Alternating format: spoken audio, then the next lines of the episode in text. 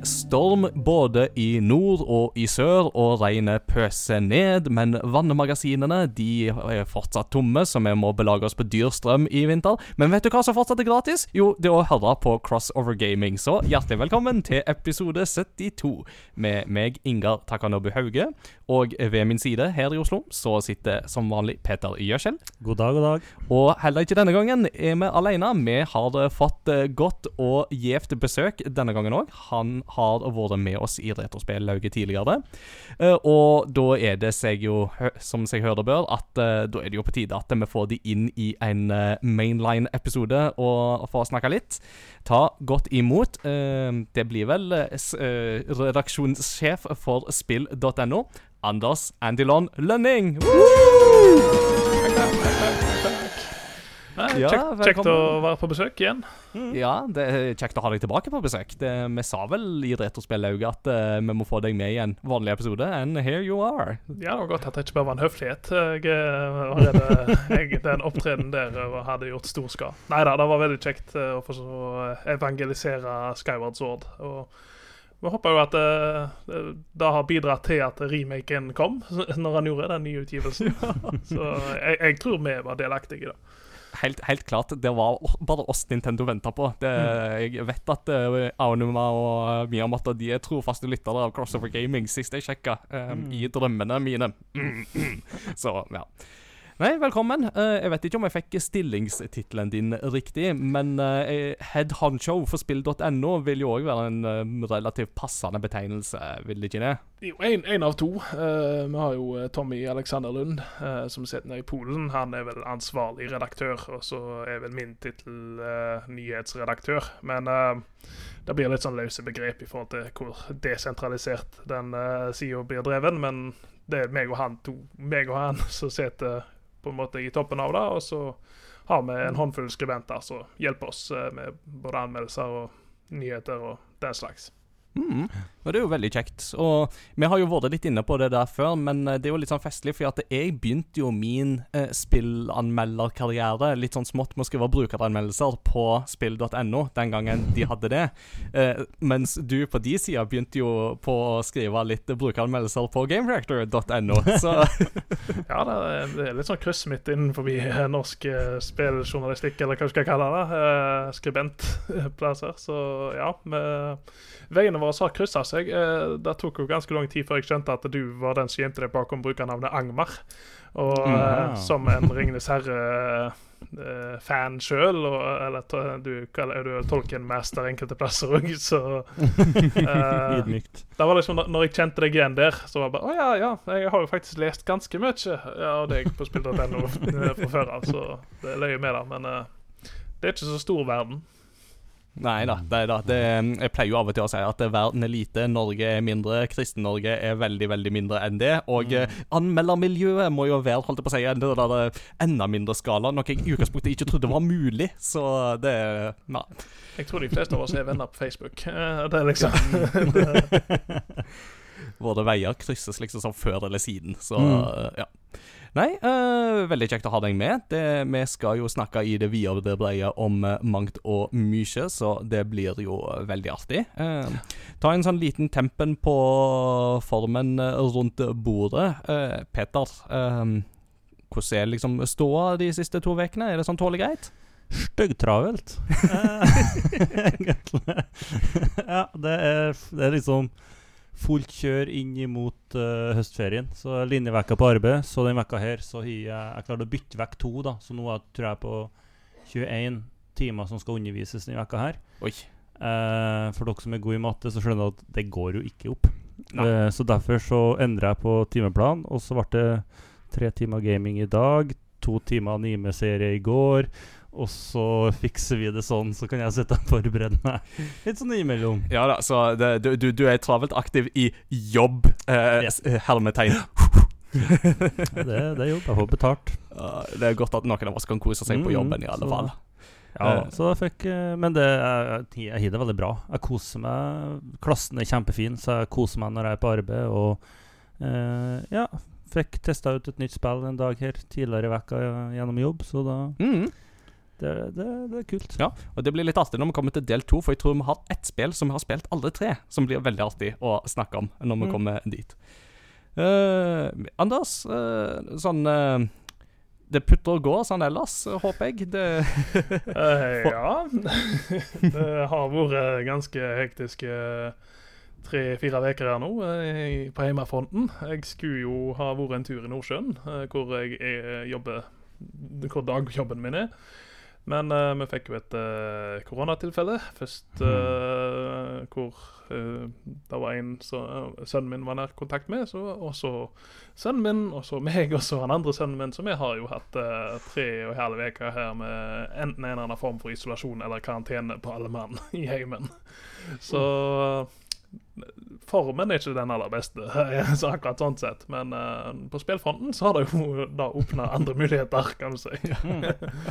så um, ja, nei. Jeg, jeg har litt sånn restgreier etter de koronagreiene, men da trenger vi ikke gå så voldsomt inn på det. Jeg kommer sikkert til å høre det på podkasten likevel. Det. ja, vi- Hvis det er litt eh, hosting og harking i bakgrunnen, så skal vi tåle det. Men uh, vi, vi, det, vi håper at eh, bedringen går raskt og effektivt framover, så det skal vi satse på. Ja, da, det gjør det. eh, ja.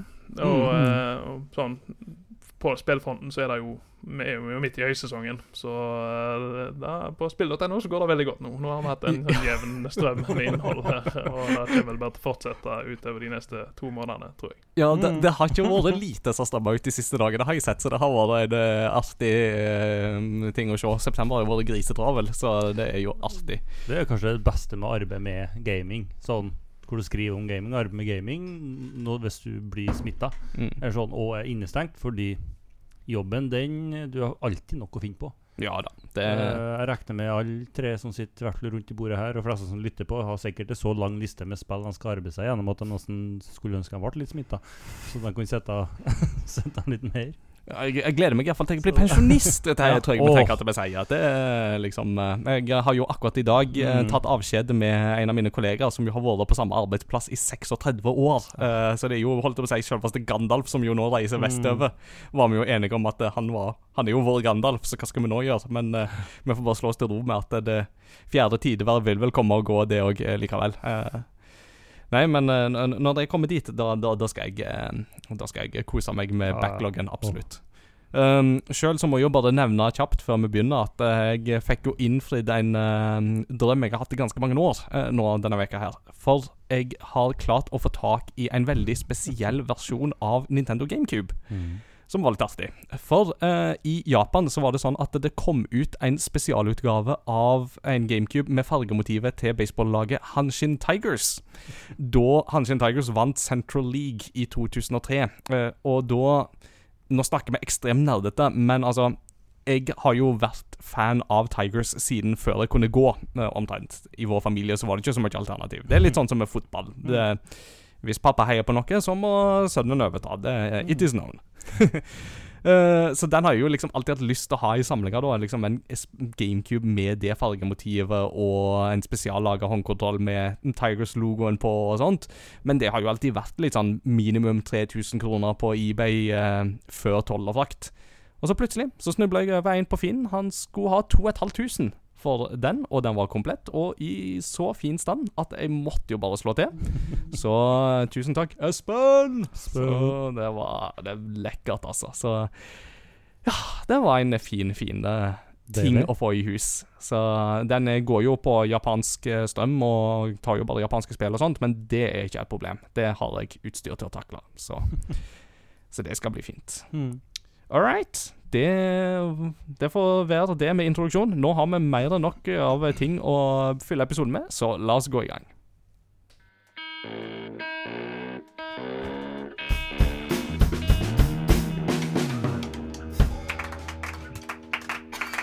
Ja. Eh, himmelsk lyd fra ungdommene. Eh, nå er det ukens kunngjøringer. Før um, Eller om rett etter at vi spilte inn forrige episode, så var det jo en PlayStation 5 showcase. Og den var jo fylt i eh, det vide og det brede med masse innhold, så her må vi jo bare skyte gjennom noen highlights. Uh, så Anders og Peter, dere får bare skyte meg ned hvis jeg glemmer noe. Uh, God of War, Ragnarøk, eller Mhm. Ragnarok, uh, fikk vi jo se en god dose av. Kommer fortsatt i 2022. Eh, og mm, det blir jo da mm, eh, Det blir jo det spillet som avslutter eh, den norrøne sagaen til God of War. De Mm. kjører en duologi istedenfor en trilogi, for spill tar lang tid å lage. Er jo blitt dyrere å lage. Det har Sony òg vært ute og snakka om i det siste.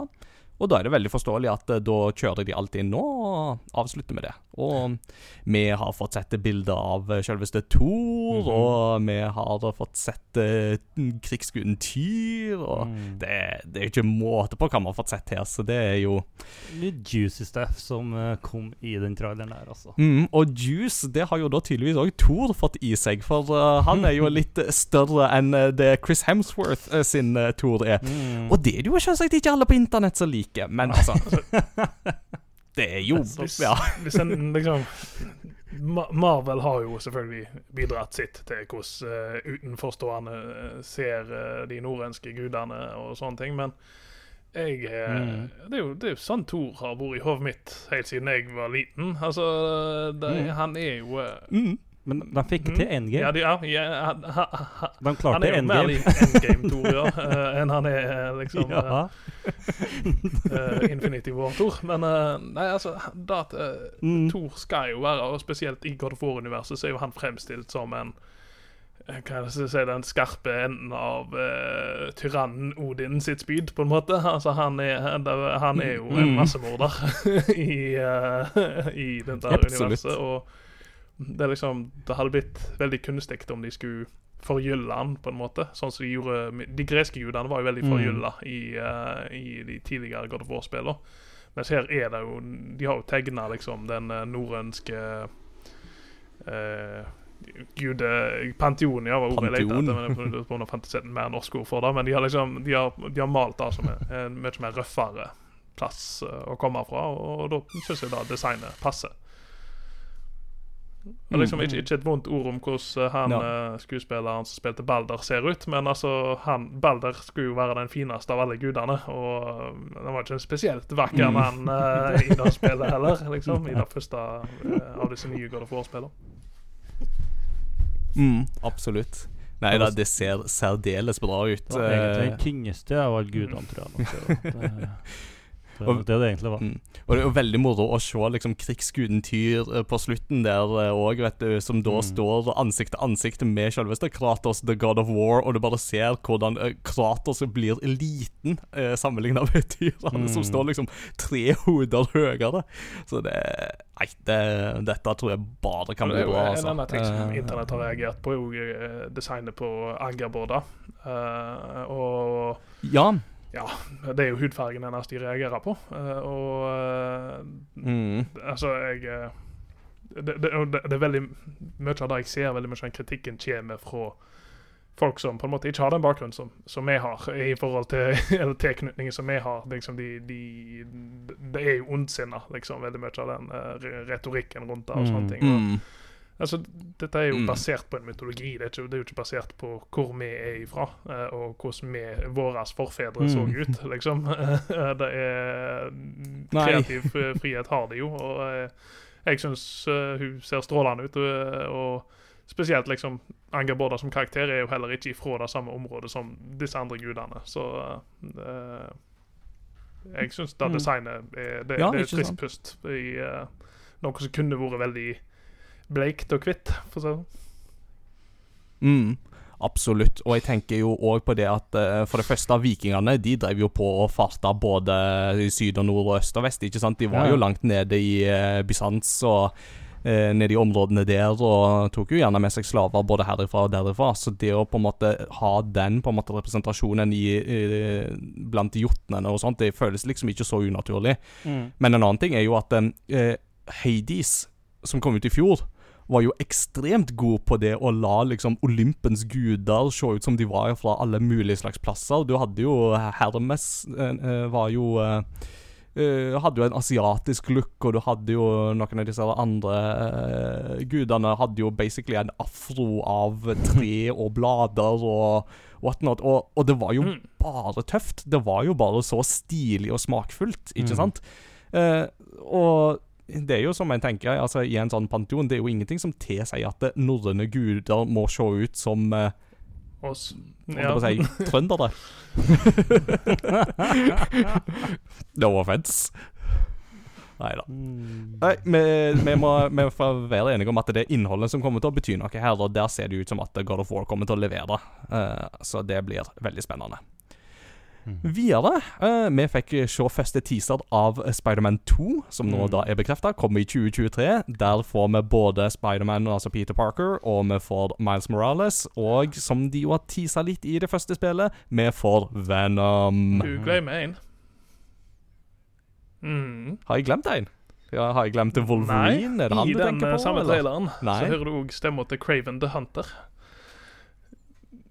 Ja, ja, ja. eh, Sannelig, spillet, det forrige spillet bygde jo opp til Altså Norman Osborn er jo en karakter, eh, og eh, vi Mhm. vet jo ikke helt hva som har skjedd med Harry Osborn i dette universet her. Eh, vi vet at han har en eller annen tilknytning til Venom-symbioten eh, og sånt. Det, -hmm. Og det det, det er veldig mye spennende som kan skje med det Insomniac uh, Spiderman-universet. Uh, jeg syns de har tatt en veldig sånn Mm. modig vinkling uh, til Spiderman, uh, som, som de ofte har en tendens til. Så, Mm.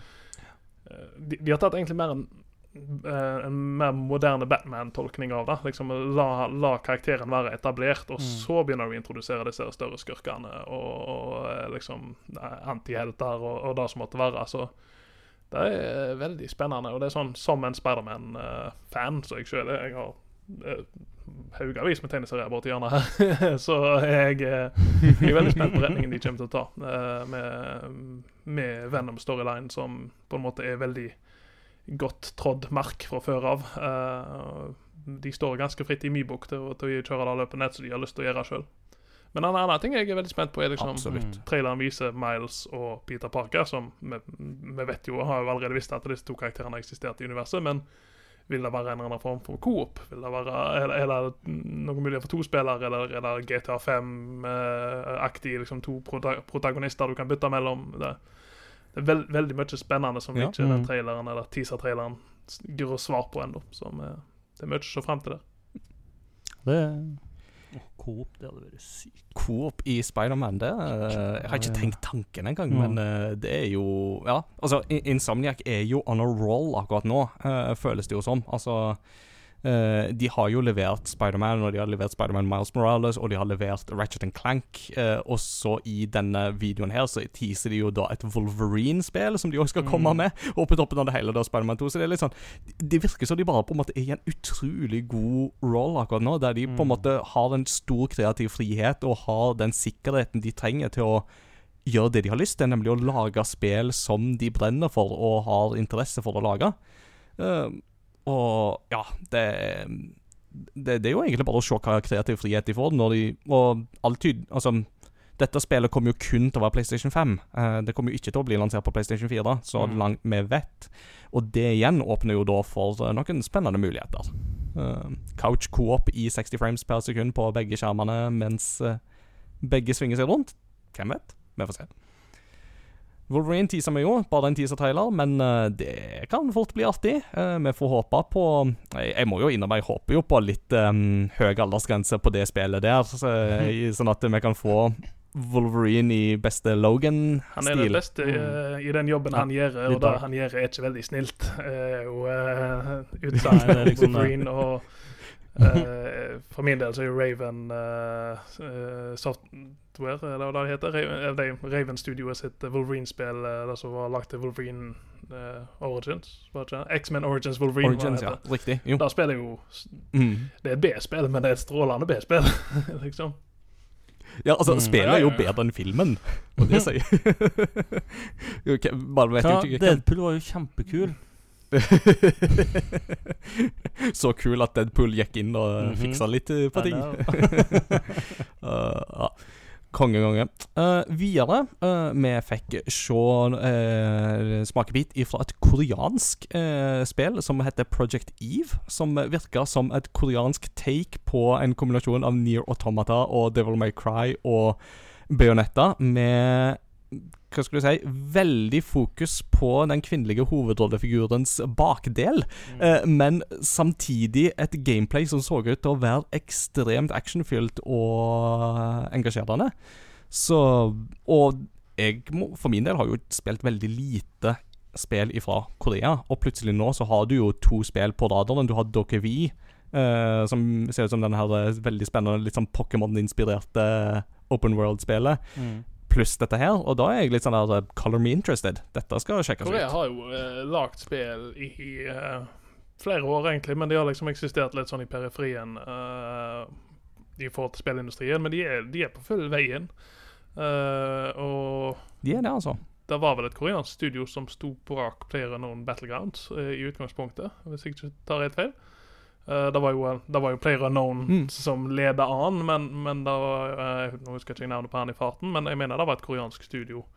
Uh, Blue Mm. Hole, er det vel det de heter, eh, som sto bak selve utviklinga. Og det er, det er veldig spennende når sånne marked vokser seg fram andre plasser. eh, og fordi vi får igjen inntrykk. Sånn som Doke V eh, var jo vår favoritt fra den fremvisningen hvor det var på eh, i spill.no. Vi satt jo alle med haka på gulvet. Mm. Det var Så Ja.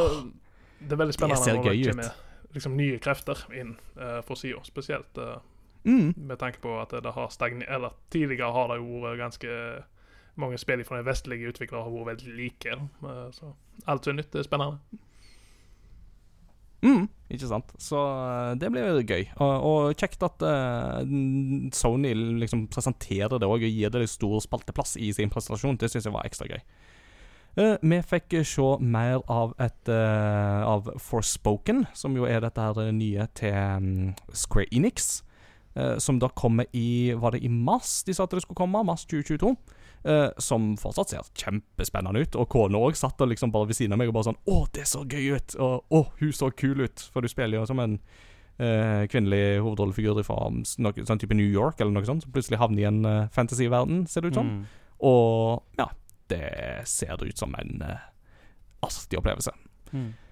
Vi fikk se et uh, spill for første gang som heter Chia. Som jo kanskje var presentasjonens koseligste spill. Uh, satt til sånn der eh, øysamfunn inspirert av Ny-Caledonia, som jo da er nordøst for uh, Australia.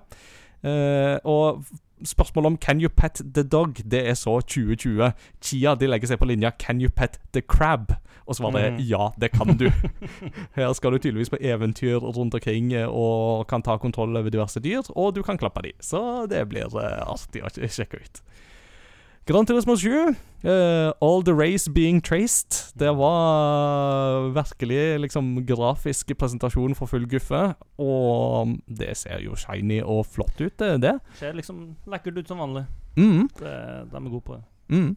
Nå um, har vi jo ikke uh, den største Grand Gran Turismo-fansen iblant oss, uh, men jeg tipper at Martin satt og bare hoppa opp og ned i stolen og var meget klar for den. Altså, så det Jeg, jeg har et sånt litt sånn eh, eh, ja. eh, av og på forhold med Gran Turismo. uh, helt ifra det aller første. Eh, og jeg vil jo si at jeg, jeg syns det er smått uh, ironisk at uh, Forsa, uh, en serie som på en måte har spist lunsjen til Gran Turismo eh, i senere år, har fått så innvikla menyer at Mm. jeg det der som et spørsmålstegn. Og så er det noe av det første Gran Turismo viser fram, er liksom OK, her har vi akkurat den samme menyen vi har hatt i alle spillene siden Gran Turismo 3. Mm. Med denne her liksom bylayouten av at du eh, Du går til bilbutikken når du skal handle, handle biler, og du går til verkstedet når du skal stille på bilen og du går til Mm. løpebanen når du skal av gårde kåret.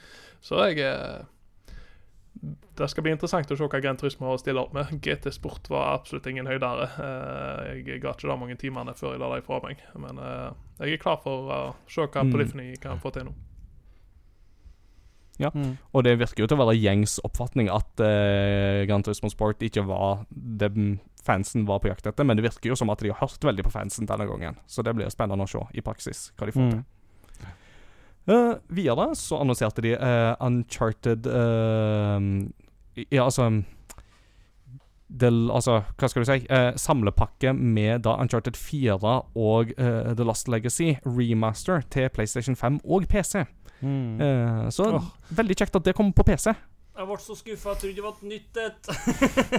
det var liksom to sekunder bare Åh! Så, nei.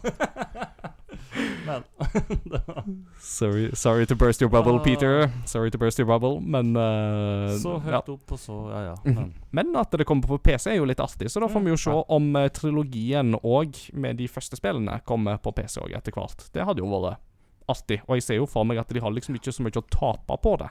Uh, Tvert imot kan de jo nå ut til et større Ja, det føles jo egentlig litt ut som den porten til PlayStation 5 uh, er mer enn liksom, ja, Hvis vi først skal porte til PC, så er ikke avstanden til PlayStation 5 så veldig lang. Uh, i, I og med at arkitekturen er Mm. sånn som den er.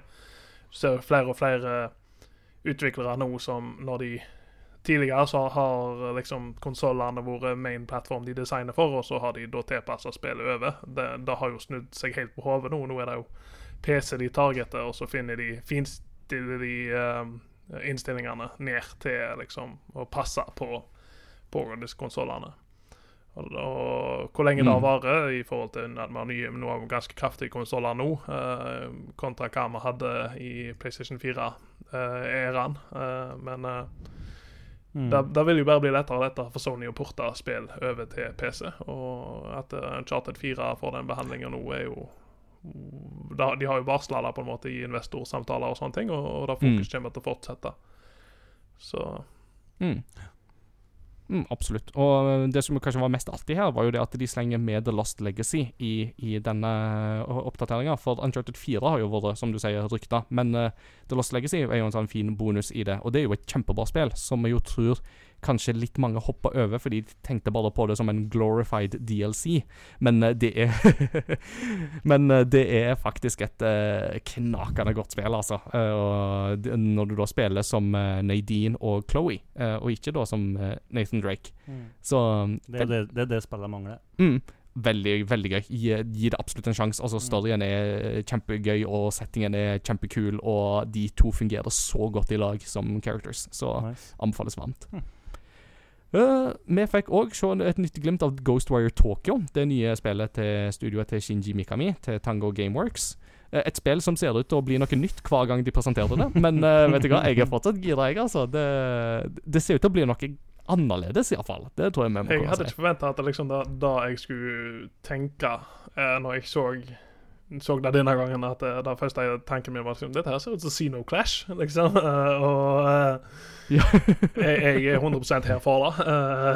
eh, med tanke på historien til, til Shinji Mikami, eh, spesielt i eh, nyere The Evil Within-spillene, er jo Det er liksom du, Vi trodde vi visste hva vi kunne forvente ifra han uh, etter Resident Evil og, og uh, når han kom derifra, men uh, han har klart å overraske hver gang, og, og denne traileren her ser enda mer eller, Det ser ut som vi ikke helt kan forestille oss hva det neste kommer til å være her, så jeg, jeg er veldig spent.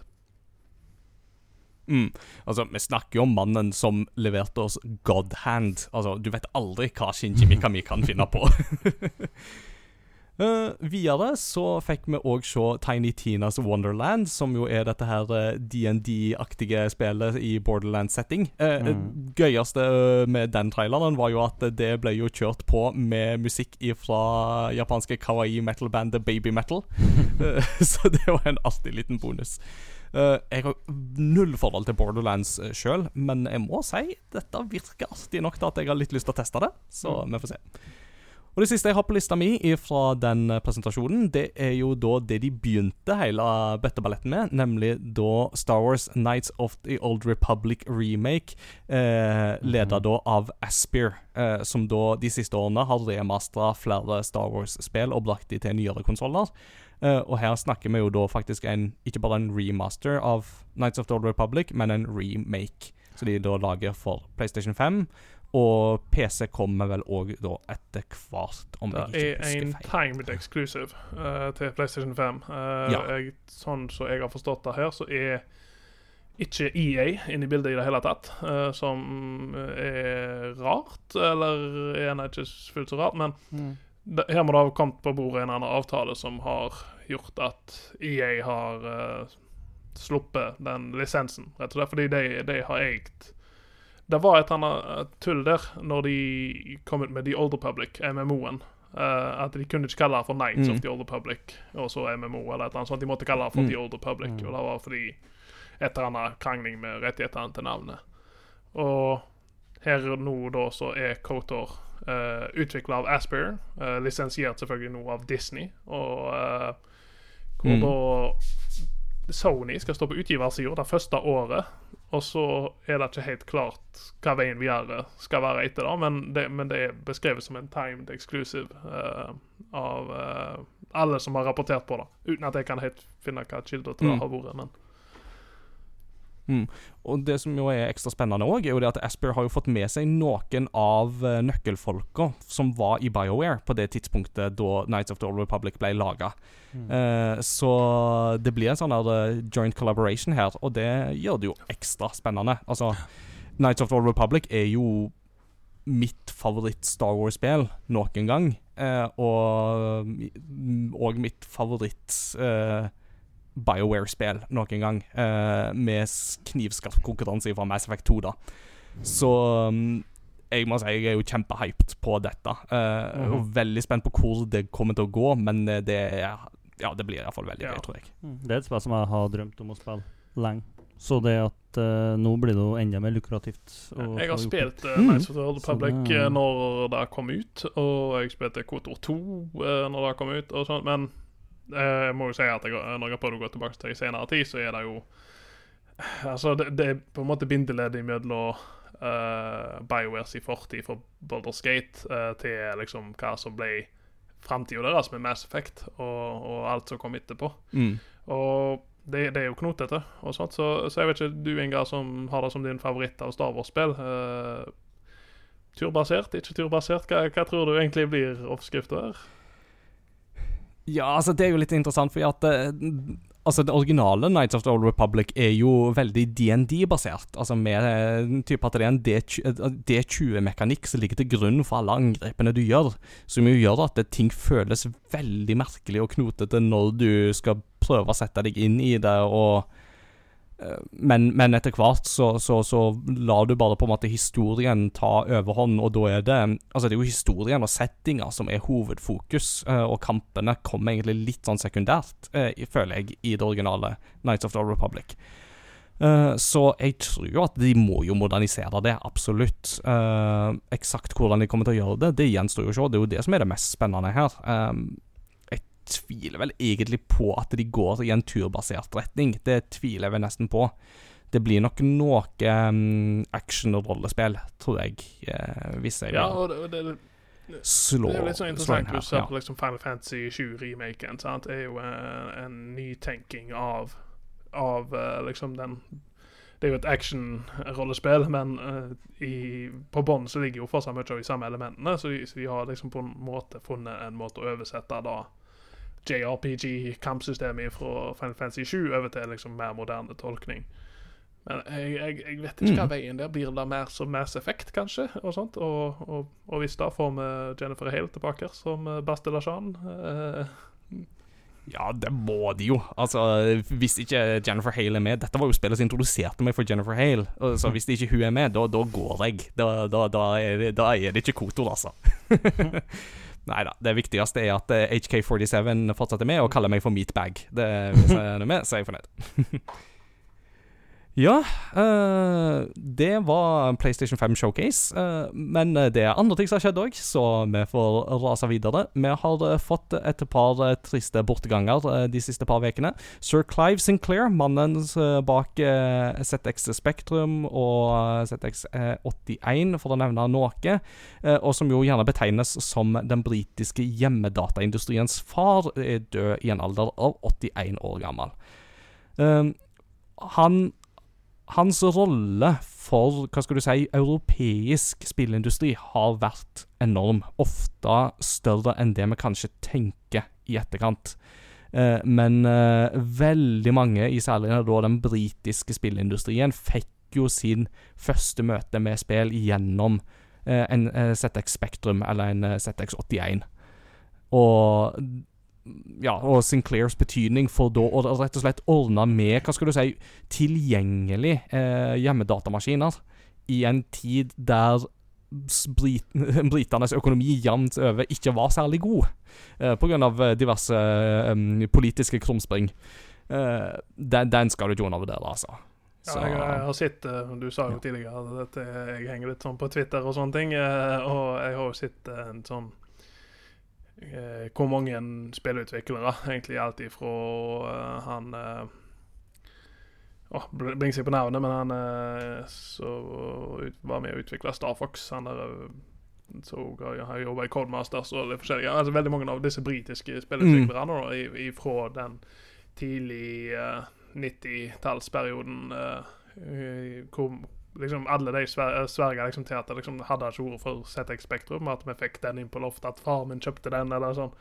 De, så har, hadde de ikke kommet i gang med det på, på samme måte. og det vi har nok mye å takke Clive Sinclair for. For eh, England har vært viktig eh, for spillutvikling. Selv når USA holdt på å gi opp hele greiene, så holdt eh, I Europa så opplevde de jo ikke vi den samme det samme krakket som de gjorde borte i, eh, i USA. Uh, og det er jo mye på grunn av eh, Mm. PC, og ikke, ikke bare PC, men datamaskinfronten her i Europa har alltid vært sterk. Mm, ikke sant. Et annet uh, navn som nå har òg gått bort i de siste par ukene, det er Mick McGinty, som kanskje ikke er et veldig kjent navn, men han er da kunstneren bak coveret til spill som eh, Altså de europeiske coverene til spill som Street Fighter 2, Streets of Rage 2, eh, samtlige Zoo Tycoon-spill, basically, eh, Kid Chameleon og Shining Force, for å nevne noe. Eh, du er jo en uh, Sega-mann, Sega Anders. Mm. det, det vet jeg jo. Og Streets of Rage eh, er vel en eh, felles pasjon som du og meg Ja, deler. og uh, Kid Chameleon uh, har jeg eh, Jeg vet ikke hvor mange timer i, men uh, Og da coveret der er utrolig stilig. Jeg vet ikke om dere, dere har sett det, men eh, det, er, det har en skjerm over seg som på en måte bare skriker Sega uh, mot deg. eh. Ja. Du har en uh, gutt som ser ut som han er fra uh, Han ser jo ut som Ja, Fancy, basically, jo- der han står på skateboard. på den, ja. um, er det Blank Check, den heter denne filmen. Altså, han en guttungen som får masse penger der og da. Liksom. Altså, du har ei skinnjakke, han har solbriller på seg, og så ser du Mm. alle disse her eh, forskjellige figurene du kan bli gjennom masken i det spillet, eh, er liksom representert på Mm. coveret. Det har en et, eh, ekstremt kult cover som drar deg inn. Det er liksom Hvis du finner det i en uh, kasse, uh, så tror jeg du, du legger spesielt merke til det. Og det coveret er, har mye med det å gjøre. Sånn at du, det er, du biter deg merke i det. Og så har vi Streets of Rage 2. Det er jo Absolutt. Jeg eh, lukker øynene, så kan jeg se liksom ryggen på eh, Streets of Rage 2-coveret. Den uh, skrifta. Den, eh, Mm. den har brent seg inn på netthinna mi. Mm. Så ja. Eh, hvis vi drar til da mer eh, lokale breddegrader og mm, ser på Funcom, så har de da i det siste kjøpt eh, rettighetene til Ron E. Howards eh, forfatterskap. Eh, og det inkluderer jo da selvsagt Conan the Barbarian. Så det vil si at uh, Funcom er nå de uh, spillutviklerne som da har rett på å lage alt som har med Conan the Barbarian å gjøre, eller uh, så må de lisensiere det til noen andre.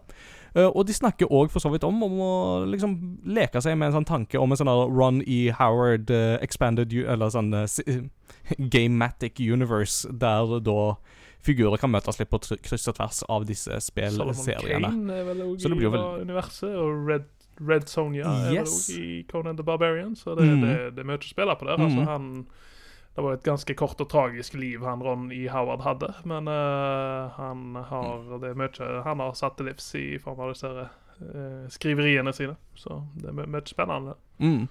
Mm. Så det blir interessant å se hva de kan, kan få til. Eh, vi har jo noen i communityet som er veldig glad i å spille Monster Hunter. Uh, og Monster Hunter Rise har jo gjort det bra på Switch i år. Uh, der har de jo hatt noen veldig gøye alternative kostymer som har kommet inn tidligere. For den, den her hundekompanjongen din. Vi har jo tidligere hatt varianter der de, du kan kle den ut som Amaterasu fra Okami.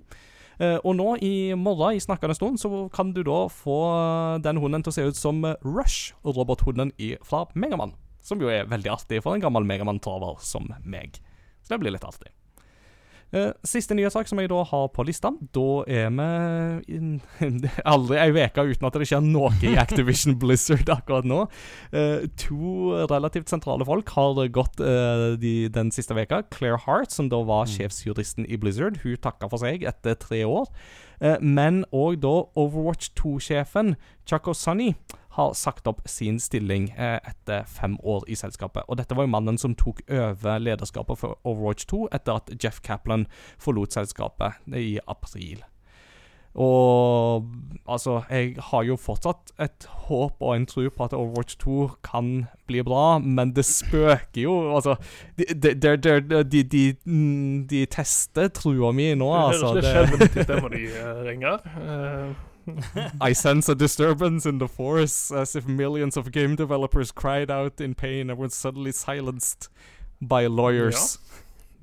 Det er nok ganske tunge NDA-er inne i bildet rundt alt som beveger seg hos Blizzard uh, om dagen. Og det er jo synd. Uh, det er sy- synd at hele liksom så er det sånt, eh, I morgen, så kommer, i, i forhold til hva tid vi sitter her og snakker om dette, så kommer jo Diablo 2 Mastard ut. eh, eller Resurrection. Mm. Mm. Og jeg eh, har jo sett veldig fram til den. Diablo 2 har vært veldig, veldig formativt for meg. eh, mm. og jeg har faktisk nettopp mottatt kode til å anmelde det, og jeg, kjenner at det er ikke helt uten eh, Liksom jeg, jeg, jeg tenker jo såpass at eh, jeg kan ikke skrive en anmeldelse av det spillet uten å på en måte kommentere det som foregår hos Blizzard. Uh, det kan jeg ikke. Og Mm. men jeg kommer likevel til å gjøre det. og Rettferdiggjøringa av det er vel egentlig at jeg mener det er ikke for uh, sel- Selv om spillanmeldelser er jo et ledd i markedsføring, det vil det jo alltid være, men jeg gjør det ikke som en uh, tjeneste til deg, jeg gjør det som en tjeneste til leserne våre. Og eh, Mm. jeg tenker at folk bør kunne gjøre informerte kjøp om spillene. Og vi har jo sett at disse remasterne til Blizzard ikke alltid går veien. Uh, og så, Mm. Mm. så sånn, men, men eh, og jeg, jeg vet jo du Ja. har òg hatt dine meninger om, om dette her som skjer, og, og hvordan vi som på en måte formidlere skal reagere på det. Og eh, jeg er jo ganske enig med det du har Mm. sagt, eh, at det er liksom ikke de på gulvet i Blizzard som på en måte har lagt opp til dette her. Det er jo, det er jo utrolig dårlig styring ovenfra og ned. Og eh, det, Mm. vi skal ikke jeg mener at vi kan ikke snu ryggen til arbeidet deres for noe eh, sjefene som aldri har tatt på produktet, annet enn i, i akkurat i liksom, transaksjonen av å kjøpe spillet. Eh, noe de har, har holdt på med, kanskje. Mm. Ikke sant. ikke sant. Og det er jo interessant, for um, Vicarious Vision-lederen uh, har jo nå denne veka her kommentert nettopp det. For det er jo de som har hatt den ledende hånd på um, Diablo 2 uh, Resurrection. Iallfall nå i de, i siste månedene, så det er jo de som har ledet det arbeidet og jobba med den. Og han har jo absolutt kommentert det at uh, folk må Altså vi har full forståelse for at dette er vanskelig for folk. Altså, Det tror jeg er det nærmeste vi kommer en sånn direkte anerkjennelse fra noen i Blizzard på at eh, vi skjønner at dette her er ting som kan få folk til å kvie seg for skal de kjøpe det, eller skal de ikke, kan jeg kose meg med det, eller kan jeg ikke. Og hans kommentar til det er jo at eh, vi har full forståelse for om du velger enten det ene eller det andre. Det, det, det mm, Folk må lande på det de sjøl er komfortable med. Og det syns jeg er en ærlig og redelig eh, tilbakemelding eh, fra den kanten òg. Og ja, som du sier, vi har jo kommet snakket om dette her før, og det, det er jo ingen lette løsninger i disse sakene her. Eh, men jeg er veldig spent likevel på å se hva Vicarious Visions har fått til med Diablo 2, som jo er et spill som har hatt enorm betydning. Ja, en, en av ledelse eh, det, er- Nå er det vel to sjefer på toppen av eh, Blizzard, eh, liksom i dette Activision Blizzard eh, sammensetninga, men så er det vel da to stykk som har på en måte tredd inn i den stillinga der, og der er jo hun ene hun kommer jo ifra Vicarious Visions, uh, som jeg forsto, uh, ifra eh, Mm. Og han andre er jo ifra Xbox, så liksom det Ja, selvfølgelig, du, du, du stokker jo egentlig bare om på folk, liksom. Du, det er jo det som skjer. Men, men her har det jo fått konsekvenser på folk. Folk har jo eh, blitt eh, oppsagde pga. Uh, oppførsler. Eller så har de tredd av sjøl og, og sånne ting. Og det, det er en pågående prosess. Det er en prosess som kommer til å ta veldig lang tid for Blizzard. Og sånt, og, og Blizzard kommer nok sikkert aldri til å være da Blizzard det en gang var. liksom, eh, igjen. Men kanskje da er en positiv ting òg. For selv om de lagde noen av de beste spillene med mange av oss har spilt, så, så eh, For det første, liksom, eh, miljøet er ikke, er ikke, der liksom lenger. Og mye av folka som gjorde det til, til Blizzard i utgangspunktet, er jo vekke. Men kanskje det er en god ting når vi ser på historiene som har kommet ut i senere tid. Så det blir mm. spennende å se om Activision og Blizzard bare smelter sammen og blir ett stort system som kun lager Call of Duty og holder liv i World of Warcraft, eller om de faktisk klarer å få inn nye ledere som kan styre både spillutvikling og deres i rett retning, men òg kulturen innad. At de, de får den At de ofrene i denne saken får den oppreisninga og, og den omstruktureringa de så absolutt fortjener. Men vi får håpe på at det blir eh, noe som faktisk kan bidra til positive forandringer til de som trenger det.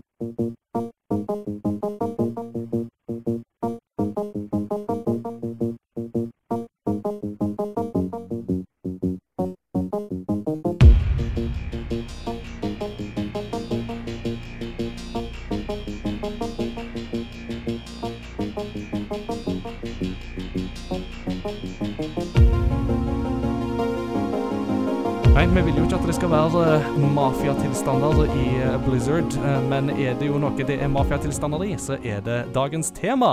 For da skal vi over til den japanske mafiaen. Vi skal nemlig ha en episode der vi snakker om Yakuza. Mm. Og i den forbindelse skal vi òg da snakke om spin-off-serien Judgment. Og det er jo i den forbindelse at uh, du har uh, invitert deg sjøl, uh, Anders. Det setter vi jo veldig pris på, naturligvis. dette er jo en heit potet akkurat nå, fordi at det er vel i morgen, i, når vi snakker, at Lost Judgment, som da er det nyeste skuddet på dette Yakuza Judgment 3, lanseres. Og da passer det jo veldig godt å ta for seg en serie som vi har hatt litt oppe i podkasten, men uh, som da er litt blanda erfaring med. Jeg vet at Peter, uh, du har vel Nok et tema som jeg ikke har peiling på. uh, mens jeg har jo litt uh, fått begynt å få litt erfaring med det, men har fortsatt mange spill igjen. Men uh, så har vi jo da uh, Anders som har spilt langt mer av dette her. Så dette blir en sånn pedagog... Ja. Så dette blir en jeg, jeg, vil ikke si at du har spilt alt, men det skal du få lov å eventuelt bekrefte eller avkrefte sjøl, men har du spilt alt? Nei, men jeg har vært innom det aller, aller meste uh, i uh, mm. senere tid. Hvis jeg bare kort skal dra gjennom den historien, så Første møtet mitt med Yakuza var jo på PlayStation 2. Uh, eh, og da den horrible uh, oversettinga som var av det første Yakuza-spillet. Uh, med Mark Hamill. Som går og Majima. Uh, og han gjør en OK jobb, han, altså. Men det Ja. Altså, jeg tok Yakuza for å være liksom Oi, dette her var sært. Dette her var litt for sært for meg. Og jeg var jo bare tenåring når da spillet kom ut. Uh, så jeg, jeg, jeg, var mer i, i Grand Theft Auto-leiren, kan du si. Uh, fordi uh, mm. en ting som er litt sånn rart med dette, her er at etter jeg oppdaga Yakuza på nytt igjen, og, og da skjedde med Yakuza 0, som kom til Vesten i 2017 Det var liksom da på en måte serien har fått en ny vår. og det er jo mm. liksom mm. Før da så var det jo kommet fem Yakuza-spill. Så eh, hvor noen da var Yakuza 5 aldri fikk en fysisk release i Vesten, kun digitalt. Men alle spill har kommet på et eller annet tidspunkt. Eh, alle i mainline-serien, bør jeg merke. Eh, men det var liksom Yakuza 0. Jeg tror grunnen til at jeg plukket det opp, var at jeg fikk tilsendt en kode uh, når jeg jobbet i uh, spillmagasinet, Nettavisens spillmagasinet Satsing. Og bare tenkte at ja, ja, jeg, jeg får gi det et ærlig forsøk, da. Liksom, her har du fint, en fin plass å hoppe på. Og forelska meg i det. Uh, og det er liksom grunnen til at jeg nevnte Grand Theft Auto, er at det, det, det, skjedde liksom akkurat i takt med at uh, jeg var på sånn all time low når det kommer til hva jeg syns om Grand Theft Auto.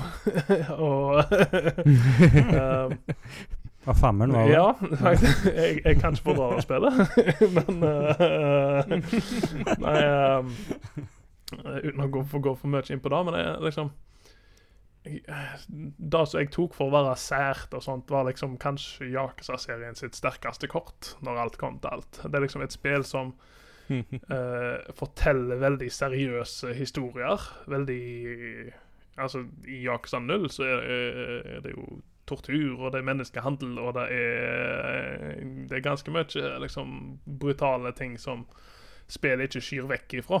Uh, samtidig som du da, i det samme spillet så har du helt absurde sånne uh, substories som Yakuza-serien er veldig kjente for. Hvorfor du hvis, jeg, Alle disse substories for de forskjellige spillene blander seg sammen, men jeg tror på et eller annet Jo, i Yakuza 0 så har du vel en substory som omhandler releasen av et Dragon Quest-spill, uh, som uh, bare eskalerer og eskalerer. Til slutt så finner du ut at uh, du har bare gitt spillet til tre forskjellige familiemedlemmer, som alle var ute etter det samme spillet, liksom, hvor han ene har stjålet fra han andre. og da, da orden, liksom. Det er et sånn helt absurd ting. og da En av styrkene til det er liksom at det, main-karakteren din, som er da Kiryu Kasama, som er main-karakteren i de aller fleste Yakuza-spillene, er liksom the straight man i, sånn, i disse komiske situasjonene han finner seg i. Liksom, han, er liksom mm. helt liksom Reagerer ikke på det som skjer rundt han på en måte som gjør har gjort serien veldig uh, Serien vokste veldig kjapt på meg. liksom Jeg bare tenkte OK, dette her Dette her må jeg spille mer av. Og så har jo Sega lagt opp til det. det mm. Med re-releasene ja. av 1 og 2. Uh, eh, eller remakene av 1 og 2. Og så re-releasene av mm. uh, de resterende spillene.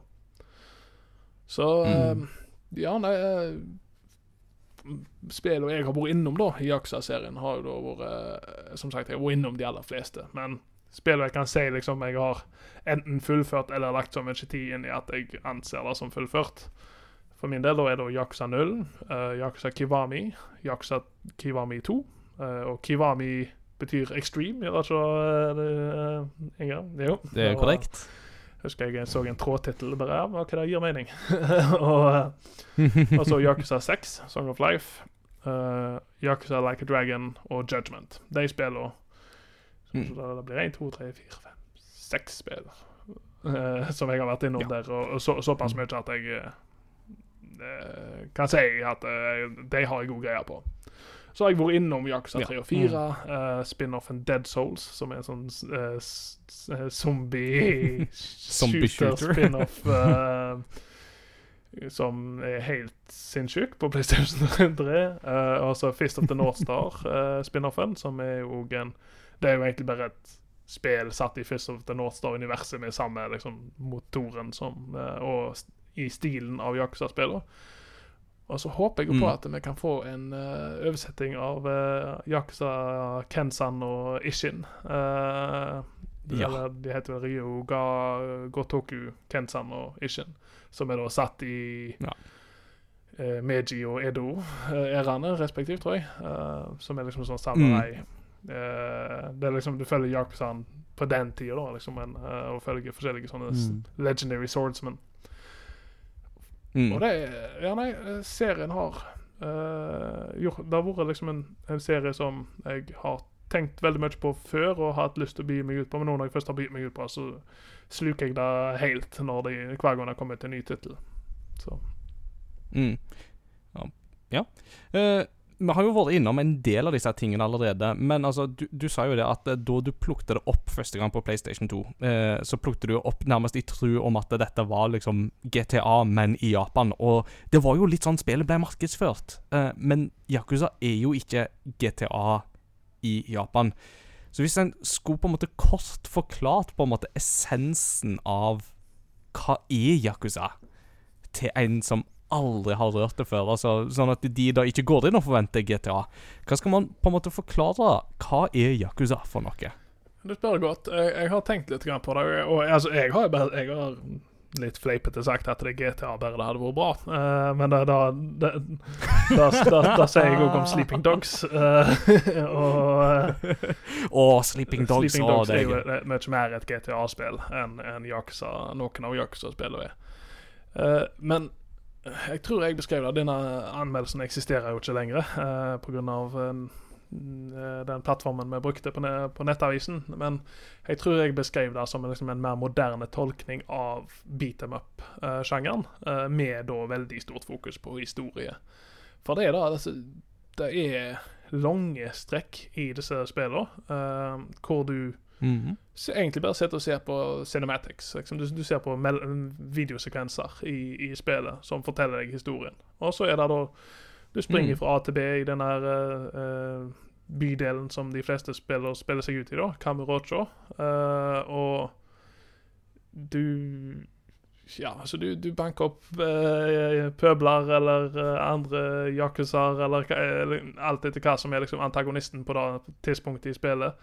Eh, og du da Så egentlig Da er eh, River City-spiller egentlig en veldig Ja. fin parallell, pga. at karakteren din òg vokser jo i, i tråd med liksom hvor mye juling du gir, og ting du kjøper, og ting, altså sånne ting. Så, så det blir liksom en moderne tolkning av beat them up RPG-spiller, da, egentlig. Uh, ifra, Mm. ifra gammelt av. Men eh, de er såpass unike at det er ikke lett å sette det på ei hylle etter med så veldig mye annet. Eh, noe som igjen forklarer Mm. hvorfor jeg har en så stor forkjærlighet for det.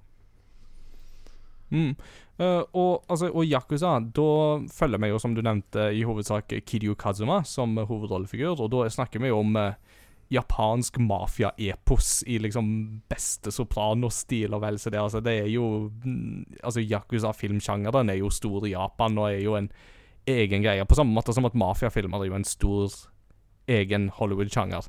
Uh, men så kom jo Judgment inn i dette her. Og altså hva er judgment i forhold til Yakuza? Det er jo da spørsmålet. Ja, ja, eh, Judgment, eller Judge Ice, som det heter på, eh, på japansk, er jo da en, en spin-off som er satt i samme univers som Og da var det litt sånn usikkerhet rundt, husker jeg, når, når spillet først kom ut. var liksom Hvor tett knytta er dette her til Yakuza? For det kommer jo fra samme studio, bruker uh, mye av de samme omgivelsene og sånne ting. Men det viste seg jo ganske kjapt at det, det er jo satt i samme Det du har med Tojo-klanen å gjøre, som er liksom en av de, de viktigste Yakuza-klanene i uh, Yakuza-serien. Så det er et eh, spill som er satt i samme univers, men i, i motsetning til Yakuza, hvor du spiller da en Yakuza uh, med hjerte av gull, så spiller du her en som har vokst opp rundt Yakuzaen, men som har tatt en annen vei i livet. Du, uh, uh, Yagami, som er er main-karakteren, tak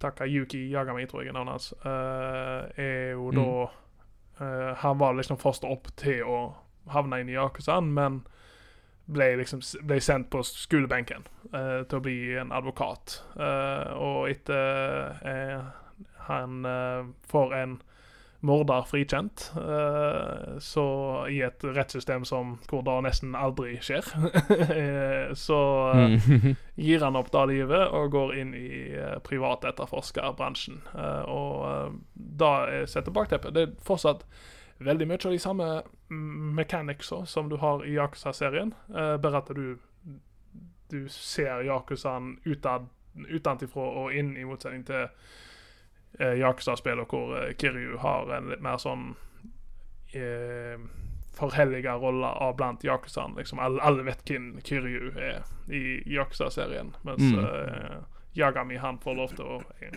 eksistere litt mer anonymt.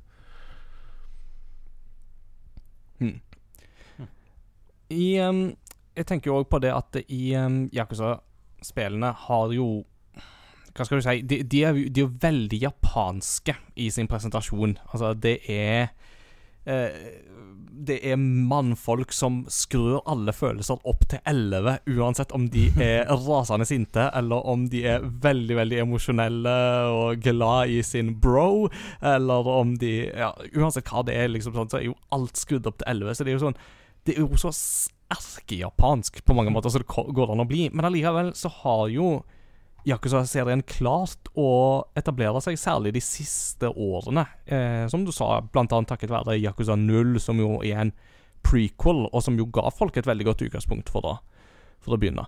Men hvorfor har serien klart å egentlig bli så populær, eh, som vi ser at den sakte, men sikkert begynner Jeg å tror bli? nok, jeg tror nok Tror at uh, liksom Jeg har sett litt tilbake på disse her tidligere Yakuza-spill, og, og vi fikk jo da uh, re-releasene av 3, 4 og 5 bare oppgradert med litt, litt sånn finpuss her og der. Uh, sånn grafisk finpuss, men ikke noe vesentlige endringer i gameplay, sånn som Kiwami og Yakuza 0, eller Yakuza Kiwami 1 og 2 etterligner jo Yakuza 0 Mm. uh, i større grad enn Mm. en det gjorde Det fortalte den samme historien fra Yakuza 1 og 2, men gjorde det på en måte som var gjenkjennelig for folk som spilte Yakuza 0. Og jeg, jeg tror serien har venta på teknologien skulle nå igjen med ambisjonene, på en måte. Uh, fordi hvis du går tilbake og spiller PlayStation 2-spiller her, og, og noen av PlayStation 3-spiller òg, så merker du at det er veldig uh, Flyten er ikke den samme. Du, du går ikke fra mellomsekvens til uh, utforsking i, uh, i verden til kamp på samme måte som du gjør nå når vi har PlayStation 4 og PlayStation 5. Det er mer liksom oppstykka. Uh, de hadde liksom spesifikke tre moduser som de snakket om når de, når de snakket om spillet. Og det var exploration, og det var battle, og det var eh, adventure, eller et eller annet sånt de kalte det for. Og da Mm. det flyter mye bedre nå enn det gjorde i de, i de eldre spillene. Og det er en av grunnene til at jeg ikke har kunnet Beklager. Kunne gått så djupt inn i Jaksa 3, 4 og 5 som jeg eh, jeg føler, for det med en gang jeg spiller, jeg, kjenner, jeg, merker hvor gamle de er liksom, i, i strukturen til spillet. Mm. Mm. Så jeg tror, jeg tror det er litt da. Mm. Og så tror jeg òg Ja, eh, evangelisering av, det, av oss som har eh, liksom, Vi som har oppdaga serien. Eh, bare på anekdotisk på, på jobb, så er vi jo liksom sånn Jeg spilte Yakuza 0, en kollega av meg plukka det opp. Viste seg vi hadde en tredje kollega som har spilt denne serien fra starten av.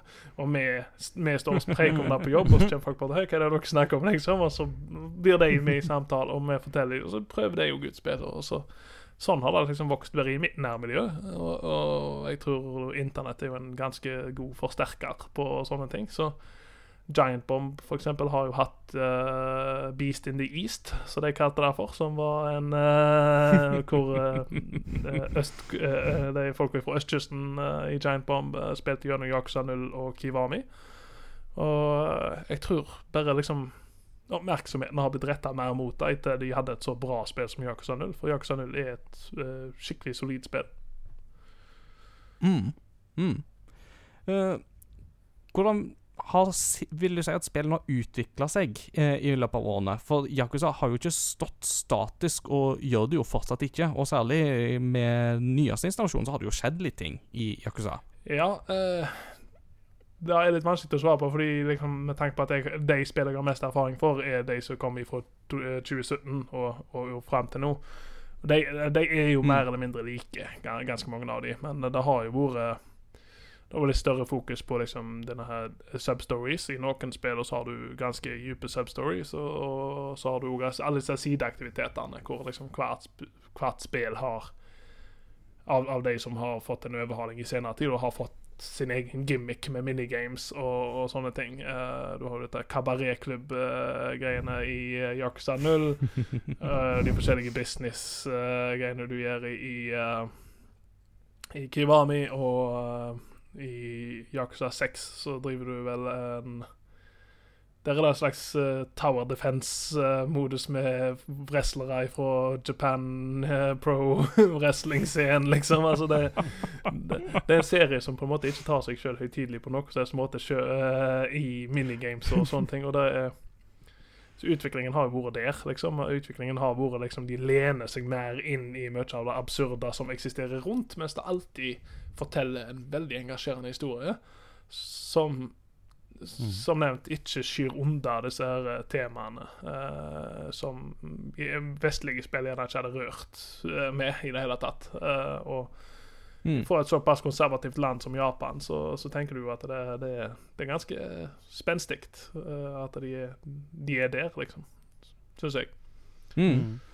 Ja, absolutt. Eh, og så har du jo da med Yakuza Like a Dragon, som jo er det nyeste på det, liksom I Yakuza-hovedserien. Så tar de jo plutselig en helt ny approach. For uh, vi har jo snakka om hvordan Yakuza har hatt det der beat them up-elementet, og uh, langt på vei så er jo Yakuza en slags hva skal du si, en åndelig oppfølger til den klassiske serien til Sega, med liksom et lite område der du kan interagere med så å si alt, eh, med eh, nevekamp og den slags. Men i Like a Dragon så er det jo plutselig Hva skal jeg si? Det blir, blir jo mer rollespill ut av det, blir det ikke? Uh, og eh, hvis du spiller Yakuza Like a Dragon, er et strålende spill. Uh, det, det er ikke til å komme unna. Det er et helt fantastisk spill som alle burde sjekke ut. Det gjelder egentlig alle Yakuza-spill, men ja, det er spesielt pga. at det liksom, her har du da et spill hvor det ble utvikla sånn som jeg forstår. og Rett meg gjerne på dette hvis du vet noe annet, Inga, men jeg tror Yakuza 7 i utgangspunktet ble utvikla som et hva som helst annet Yakuza-spill, uh, og at de ganske seint i utviklingen av spillet fant ut at det, Vent litt, dette her fungerer veldig bra hvis vi setter det inn i et liksom, rollespill, kampsystem liksom à la Dragon Quest, som tittelen da refererer til med Like a Dragon.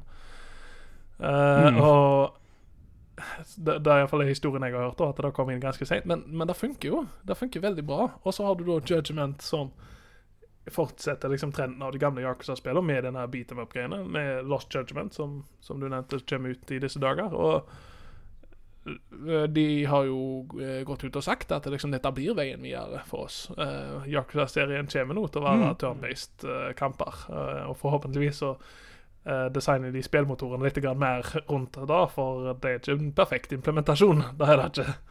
Men, eh, men Nei. eh, det, ja, nei, det, er, det er veldig stilig at de, de våger å prøve noe nytt, sånn helt ut av det blå, i det skynda mainline-spillet i serien. Mm. Eh, og jeg har jo skjønt at eh, grunnen til at de al- Denne indre forklaringa på hvorfor de kjører sånn rollespillmodell, er vel fordi at han nye hovedpersonen, som jo da spiller som da i Like a Dragon, ser egentlig alt ut ifra et rollespillperspektiv, fordi at han har gama litt sånn Dragon Quest og sånt litt for mye. Ikke han er en uh, rar skrue, og ja, han, uh, han har et litt annet forhold til virkeligheten uh, enn resten av oss. eh, og eh, han kommenterer liksom Han, han tar den der Otacon-linja fra Metal Gear 'Just like my Japanese animes'. Det er liksom bare Han, han tar da liksom der retningen japanske rollespill. Han ser seg sjøl som helten, og alle andre eh, grupperinger av mennesker ifra forskjellige uh, Ifra forskjellige eh, Jeg kom der Jeg, jeg Samfunnslag. som eh, eh, Ja stereotyper fra japanske rollespill. Jeg kom nettopp på at det finnes en fiende i det spillet som heter Piss Wizard, og det er noe av det beste. Eh, beklager språket der, men eh, Den er, We, we, we, will- we den, will let for, pass. den er for god til å Den, den tåler vi. Vi, vi tåler litt ekskrement. Den er altså. for god til å la gå, den er der. Um, Ja, ja. Det, det er Du har humor vi liksom- forstår. Du har blottere, og du har uh, Altså, det er all slags fiender som du møter på i det der spillet. Er, Er det ikke sånn at, er det ikke sånn at eh, uteliggere de lukter så fælt at det er en sånn status Jo, jo. ailment Jo, eller noe sånt? Og eh, alkoholikere som spyr på deg, eh, liksom gi- gi- gir deg en status ailment. Og, eh, og de, de har jo òg en um, um, en Pokédex i uh, Yakuza Like a Dragon uh, som, som kartlegger alle disse forskjellige typene. Åh, nydelig. Så eh, Ja, nei, det er eh, et utrolig stilig spill som alle bør prøve uh, hvis du enten har fått kjærlighet for rollespill eller Yakuza fra før av. Det er liksom Jeg Å tenke seg at det var den retningen de plutselig skulle snu til, da, jeg, jeg så ikke den komme. Uh, Friskt pust i Ja. riktig retning, får man kalle det. Ja. Så altså, hvis nå Peter, som jo mm, forhåpentligvis en dag skal begynne å spille Yakuza Mm. det, det, det tror jeg at Jeg tror Peter vil like det, faktisk. Det, det tror jeg du vil. Ja, Um, det høres sånn ut. Mm, og mm, jeg- jeg må jo òg skyte inn at det er en ting som jo jeg liker veldig godt med Yakuza, er jo hvor det føles virkelig som at du er i Japan når du er, spiller de spillene. Altså Mm. Sånn som Kamurocho, den her bydelen. Det føles virkelig som at du går i en av disse her bydelene i Tokyo. Det liksom Detaljnivået er virkelig naila, da, kan, Mm, kan jeg si. mm. Men hvis da Peter vil jeg si Hvor begynner jeg Uh, å spille? Det er jo mitt spørsmål til vanlig, det. Ja. Da ville jeg sagt Jaksa 0. Uh, for, ikke bare fordi at det var plassen jeg uh, hoppet på, men hvis du spiller Jaksa 0, og du spiller uh, og ender opp med å like det, og det er det har veldig, veldig mye sjarm over seg, Yakuza 0. uh, med en del elementer som du på en måte ser at de uh, prøver å retrofitte inn i uh, 1 og 2 med Kiwami 1 og 2. Eh, så, så jeg ville sagt 0, eh, og da selvfølgelig da å ta de liksom kronologisk i forhold til historien eh, spillet er satt. Men så kommer du jo til det samme problemet som jeg kom til, da. Til, til sjuende og sist, hvor liksom Yakuza 3, 4 og 5 ikke er remakes. Dette er gamle spill eh, som føles gamle. eh, eller forholdsvis gamle spill. Mm. Ikke så høygamle, men uh, Men altså, jeg, jeg vet at Ingar, du spiller de vel kronologisk uh, i forhold til liksom hva tida de er satt, men uh, hvis du Jeg har håpet litt mer rundt, som nevnt, og eh, det var Yakuza 6 uh, igjen bærer preg av den nytenkinga som de gjorde i Yakuza 0 og sånt. Så, så jeg gikk jo til Når Yakuza 6 kom ut, så spilte jeg det for anmeldelse og, og heiv, meg meg i gang med det der. Og jeg følte ikke, selv om det er ganske mye historie som skjer mellom der og der, så, så klarer på en måte spillet å fylle inn uh, de tomme rommene, liksom, uh, av hva du, hva du mangler. Men så er det òg at det, Ja. Yakuza uh, Like Dragon er jo såpass annerledes at kanskje da kan være spill å begynne med. Og hvis du da har en forkjærlighet for Mm. japanske rollespill, så absolutt. Eh, det, er, det, er ingen, det er ingen feil svar, tenker jeg, her, egentlig, i forhold til hvor du skal begynne. Judgment kunne du jo begynt med, sånn, eh, for den saks skyld, siden det, det er så atskilt resten. Eh, du vil nok gjerne eh, være litt sånn hm, Hvem er denne personen, og hvorfor flasher det på skjermen hver gang eh, en ny karakter dukker opp og forklarer hva rang han har innad i den aktuelle Yakuza-organisasjonen han er en del av. Men Mm.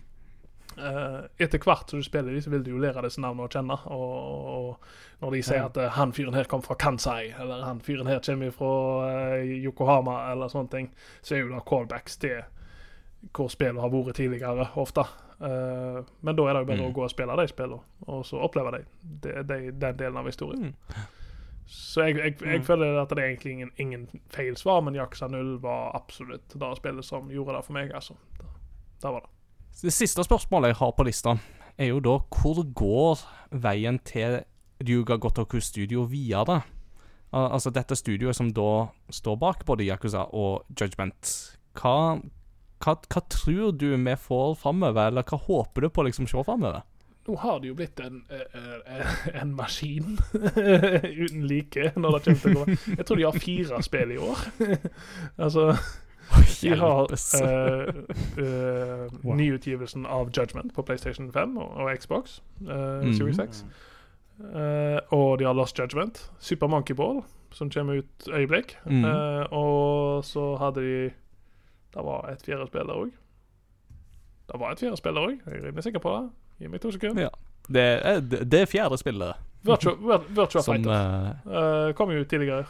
Ja, ja, ja, ja, stemmer det. stemmer Det Det Det var jo plutselig på da, Daniel. Virtua Fighter Ja, 5, da, stemmer. ikke sant? Ja, Og riktig. liksom, og før da, så var liksom, I fjor så hadde de bare Yakuza Like a Dragon, men så plutselig hadde de liksom Yakuza 4 og 5, og Super Monkey Ball Banan har blitt. Så det er liksom, de, de er blitt en maskin som bare klarer å holde produksjonen oppe. Og vi har jo hørt nå at Mm. han eh, sjefen uh, sjøl, han eh, Toshihiro Nagoshi, er i ferd med å bli kuppa av eh, kinesiske NetEase, Mm. som er utvikleren Mm. bak det der Diablo-mobilspillet som ble så veldig godt mottatt på et BlizzCon for noen år siden. Um, Mm. Mhm. For alle har jo phones.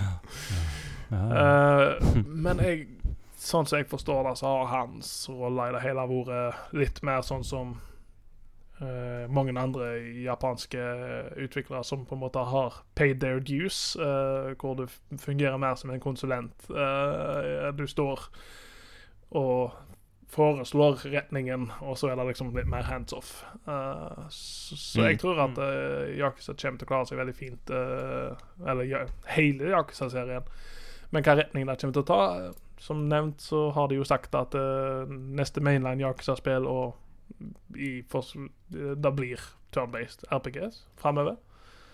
Og så har du da Judgment, som nå er i en uh, litt sånn twist uh, på grunn av eh, rettighetene til De bruker jo De har brukt en del skuespillere og sånt i, i, fra Japan til å spille disse karakterene sine, og nå har de malt seg inn i et hjørne med, med en av dem pga. talentstudioet hans. Uh, Johnnies de heter, tror jeg. Uh, de, uh, de vil ikke la de gi ut Judgment-spillet på PC pga.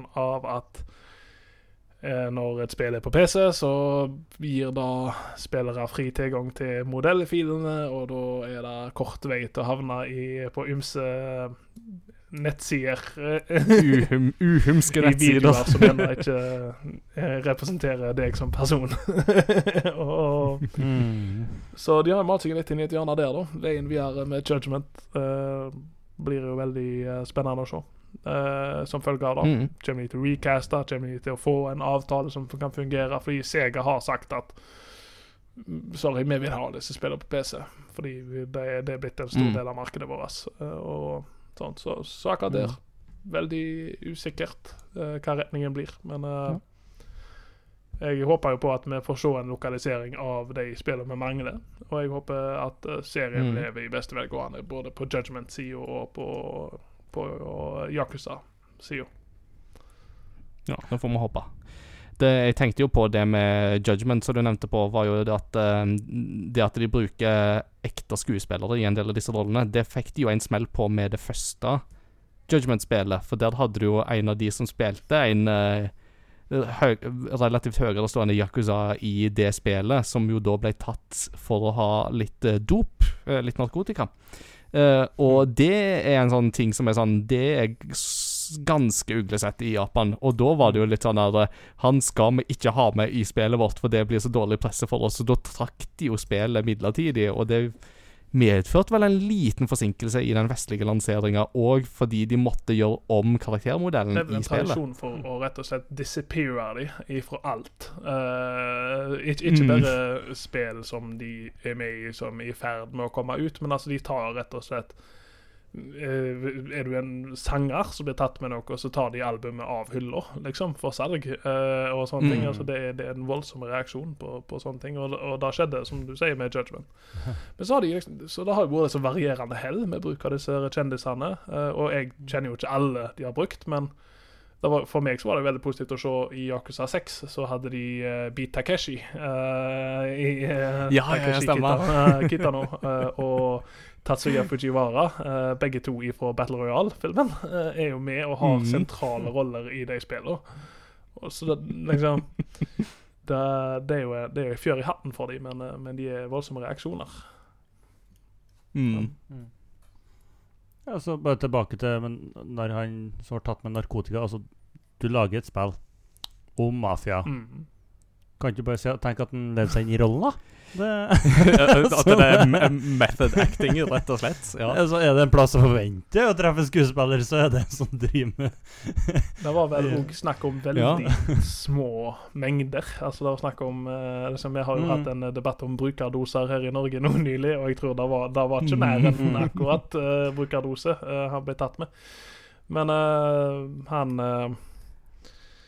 Uh, forfatteren bak uh, Kenshin, uh, mangaen og animen, han ble jo tatt for noe uh, liksom greier som var sånn i gråsonen av legalitet og sånne ting. Men der, der fikk de ikke den mm. reaksjonen. Så jeg vet ikke, liksom, er det narkotika som er liksom det mm. utslagsgivende? Ja.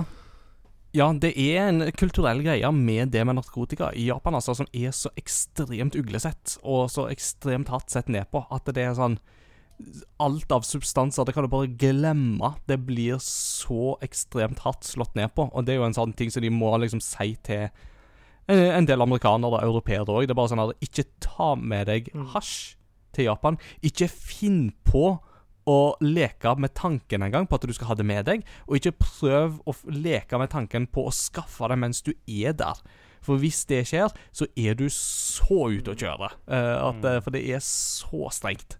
Uh, så det er um, det, det, er noen kulturelle um, ting her og der, altså, som bare er sånn Noe må man bare um, akseptere at det, der det er straffereaksjonen på det ekstremt hard. Uh, og det jeg, jeg, jeg, That's just the cookie, way the cookie crumbles. Jeg sitter og smiler litt her, fordi at uh, en av storypunktene i Yakuza Like a Dragon handler jo veldig mye om dette her liksom med offentlig fordømmelse av uh, ting som eksisterer liksom i den gråsonen, i, i, liksom, i, i, eller, eller overgrensa i forhold til kriminalitet. For, eh, for de har jo òg i Japan uh, et litt annet syn på prostitusjon enn hva vi har i, i Norden. Mm. Og han Ichiban kommer jo Mm. ifra et sånt soap house, eh, liksom, og har oppveksten sin ifra et sånt eh, hus. Og liksom en av antagonistene i det spillet er jo en sånn organisasjon som på en måte vil denne næringa til livs, da. Og som på en måte Mm. og, og konsekvensene av det i spillet Spillet legger ikke noe imellom på det. At det liksom, hvis, hvis dere driver disse folka ut, så driver dere de, de forsvinner ikke. Liksom, de, de vil bare gå til den mørkere sida av den kriminelle underverden, underverden og drive folk ut på gata, liksom. Uh, og, Mm. Så jeg, jeg syns jo det er løye at de, liksom, de har den reaksjonen på en skuespiller sin uh, Da hva er det, rekreasjonsbruk av narkotika, uh, og så har de sp spillet etterpå har en ganske stort oppgjør med liksom, kulturen om, om hvitvasking av eh, samfunnet, på en måte. Mm. Nei og, og det er jo litt det der med, ikke sant, med at uh, Yakuza er jo da, da har du jo det, ikke sant, med at eh, Min opplevelse ofte er jo det at kunsten i Japan er jo, eller kulturen og kunsten i Japan er jo ofte relativt ganske fri, selv om kulturen er ganske konservativ og streng. Eh, Og det er jo noe med, hva skal du si, det kollektiv, altså, kulturen er jo veldig kollektivistisk anlagt, ikke sant, med at eh, the need of the many outweighs the needs of the few or the one Mm. er jo Altså, hele Japan er jo basically mm, Vulcan mm. i det, det, det mindsettet der. Eh, men så har du jo da, på den andre sida, så har du liksom kulturen som du får på en måte sånne ekstreme utslag, da, og som da igjen gir sånne heilsprø spill, som eksempel Yakuza, da, som har på en måte folk som bare har følelsene skrudd opp til 11 og går på gata og banker folk før de går på karaoke etterpå og synger de mest eh, rørende kjærlighetsballadene som går an å få. Så ja, det, det og, sånn vil det jo alltid være, ikke sant? At kunst og konteksten den er oppretta i, det vil alltid være på en måte en dynamikk mellom de to tingene, da. Som er, er sånn interessant. Ja, det er liksom, Yakuza er vel verdt å, gi et forsøk hvis du ikke har gjort det fra før. Fordi at det er, det er noe unikt med det. Uh, nå har jo uh, I dag så kom jo anmeldelsen av Lost Judgment, uh, som jeg hadde håpet jeg skulle kunne ta, men pga. Uh, både Death Stranding og mange andre spill som plutselig kom ut samme ting, så måtte jeg gi den ifra meg til en en kollega. Men, men så han sier at mm. Lost Judgment rørte ved han uh, ganske hardt uh, pga. hvor tung tematikk det er. Men så er det liksom da at når spillet blir for tungt uh, for han, så, uh, så, så legger spillet òg til rette at du får avbrekk ifra de tinga. Med liksom litt av absurditeten i spillet og, og sånn litt den mer Mm. At du, du kan ta deg en tur til Arkaden på, i, i, på Kamurocho. eh, på Club Segan på hjørnet og spille litt Virtua Fighter eller Sonic the Fighters, som er i dette i Lost Judgment. Eller du kan gå på kontor og sette deg ned med Sega Master System-konsollen din og spille gjennom Alex Kidd. Det, alt, det, det som spillet tilbyr et så bredt spekter av ting, eh, at eh, når Mm. historien gjerne blir litt tung å, å komme gjennom, både, både av at eh, han, han er, berører sånne tema, eller kanskje ja, du bare trenger en pause fra det. Så legger spillet til rette at du kan ha det gøy med noe annet i mellomtida. Liksom det er liksom Mm. one stop shop for veldig mye. Mm. Ja, det er utrolig hvor, hvor mye innhold de klarer å presse inn i uh, de spillene. Det er fascinerende, altså. Og det, det føles absolutt som det er noe for mange og enhver i de. tenker jeg. Ja, eh, nå har vi holdt på i det lange og det brede, så vi må ha en pause nå. Vi må få lufta litt ut i vårt studio, og så eh, må vi ha litt eh, påfyll med mat og drikke. Eh, men eh, vi er straks eh, tilbake med del to for å få litt uh, lytterpost og hva vi har spilt i det siste, pluss litt eh, kuriositeter og anbefalinger også. Ja.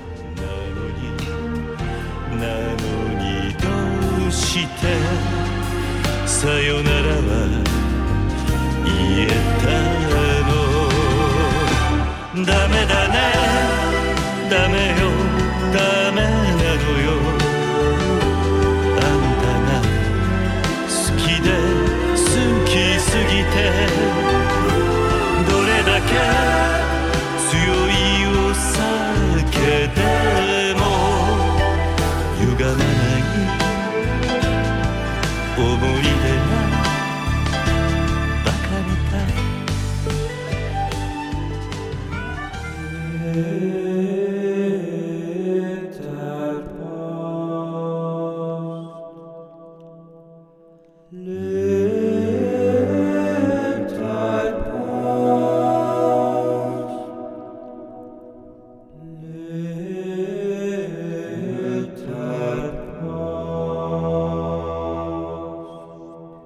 har vi fått lufta oss og øh, hatt en liten slapperas, og da er vi klare for å høre fra lytterne våre. Um, og dette spørsmålet her er jo da du som har kommet med, Anders, og jeg syns jo det er et, eh, alltid et gøy spørsmål eh, når um, Det er en sånn um, har, har fått det liksom det vi lufta tanken på det i Game Rector òg, at vi skulle skrive noe på det sånn rett før sommeren, og så Mm. rant det litt ut i sanden. Men se for deg at du får ubegrensa ressurser og alle muligheter til rådighet. Hva ville drømmespillet ditt da vært, og hvem ville du ha satt til å utvikle det? Det var da spørsmålet. Det er så stort. Det, er sånn at alle mulighetene som kommer, at jeg klarer ikke å lande noen plass. Altså, Får, du sånn beslutningsvegring? Det er studentene Eh. dine som skal ha det. Det er ikke du. Du er for gammel til å ha det. big time. oh, Nei, vi skal høre fra lytterne våre først, tenker jeg, før vi pitcher våre egne tanker, kanskje. Eh, Så um, jeg vet ikke hvem av dere som vil begynne. Kanskje vi skal la gjesten få lov å begynne med sin, eh, sin valgte, sitt valgte svar fra Discord. Ja, da eh, er det unge herr eh, Wilborn, eller Wilborn den yngre, er ikke det han er? Det- Jo, jo. Nikolai, iallfall. Ja. Som skrev at uh, drømmespillet hans hadde vært et Star Wars-spill der all lår var mata inn fra canon eller legends, og mm. at en kunne reise fritt rundt som enten en Jedi eller Sith, eller en handelsperson eller bounty hunter, eller whatever, som han skriver. Kanskje en del av eksplorerne de hintet til i High Republic noen hundre år før. Content Mm. laga on the fly i form av oppdrag og annet innhold basert på parametere laga av Lucasfilm. Et levende univers som stadig utvikler seg. Tenk deg å kunne gå all in i The High Republic eller The Old Republic. Jeg syns filmene har dekka det nok nå. Nok nå tid, regner jeg med han mener. Mm. Vil heller se mer av fortiden og bare kose seg i et levende univers langt, langt borte. Nice. Oh, Det er bredt. Det, han, han, han Mm. skyter bredt. Ja, det, det, Men det er jo det som er litt kjekt med dette spørsmålet òg, at du kan skyte veldig bredt, eller du kan skyte veldig eh, snevert, og du kan liksom velge det sjøl. Drømmen er jo sånne spill. da. Det er jo da å kunne gå all in på liksom rollespillet av å være en karakter i disse universene. Jeg ville jo hatt et sånt for Ringenes herre, f.eks., hvis, hvis jeg hadde Mhm. sikta så bredt. Mm. Mhm. Altså, det, det, er- det er ikke vår jobb å begrense oss nå. Altså, Nå skal vi bare tenke det videre breie. det. Eh, litt sånn som eh, Kurt Schilling gjorde da de skulle lage Kingdom of Amalor'. Eh, bo- Bortsett fra at forskjellen var at han måtte egentlig ha snevra seg inn. det, Mm. for de som vil ha mer om den historien, så anbefaler jeg Press Reset-boka til Jason Schreier, som kom ut Nei, tidligere i stjeler du en av mine anbefalinger, Inga. Jeg gjorde jeg det? Nei, gjorde jeg det? Uff da, det var virkelig ikke meninga. Men eh, da Jeg kan snakke mer om den boka. Vi er straks tilbake med mer om eh, Reset. Og Peter, vi setter over til deg i studio. Det er greit. Det. Eh, da tar jeg Godspark sin, Jon Vegard. Drømmespillet er et taktisk indiespill som hadde redef redefinert sjangeren gjennom å bruke innovative Inu intuitive Kjære vene, nå, det, nå er de gode. Innovative, in intuitive, Intuitive og og dype spillmekanikker sammen med rungende musikk og lyddesign og en lettfattet, men gripende historie. Eksempel Hitpoints er en enkel modellering hvor, av hvor mye en tåler. Men det er samtidig ganske oppbrukt i spillsammenheng.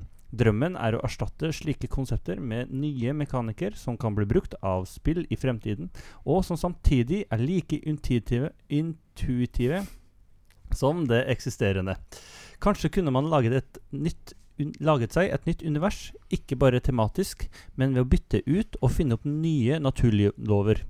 Det ville i så fall kreve at man skriver en egen Silmarillion først. Da har jo meg på ball med en gang, vet du. Eh, men det burde gå greit med ubegrensede ressurser. Mhm. ville, ville ha lagd spillet selv, men hyr, ville ha lagd spillet selv, men hyret inn en grafikere og en komponist, samt hatt flere kurs slash prater sammen med dyktige spilldesignere og programmerere. Ja. Så det er jo eh, Altså, jeg, jeg liker konseptet her, da, altså. Det, Ja, jeg syns det var så mye kult. Ja. Selv om det var ord som jeg slet med å uttale, så var det, det var, Jeg, jeg syns det virka så spennende at jeg måtte uh, hive meg rundt og prøve å komme meg gjennom det uh, læl. Mm.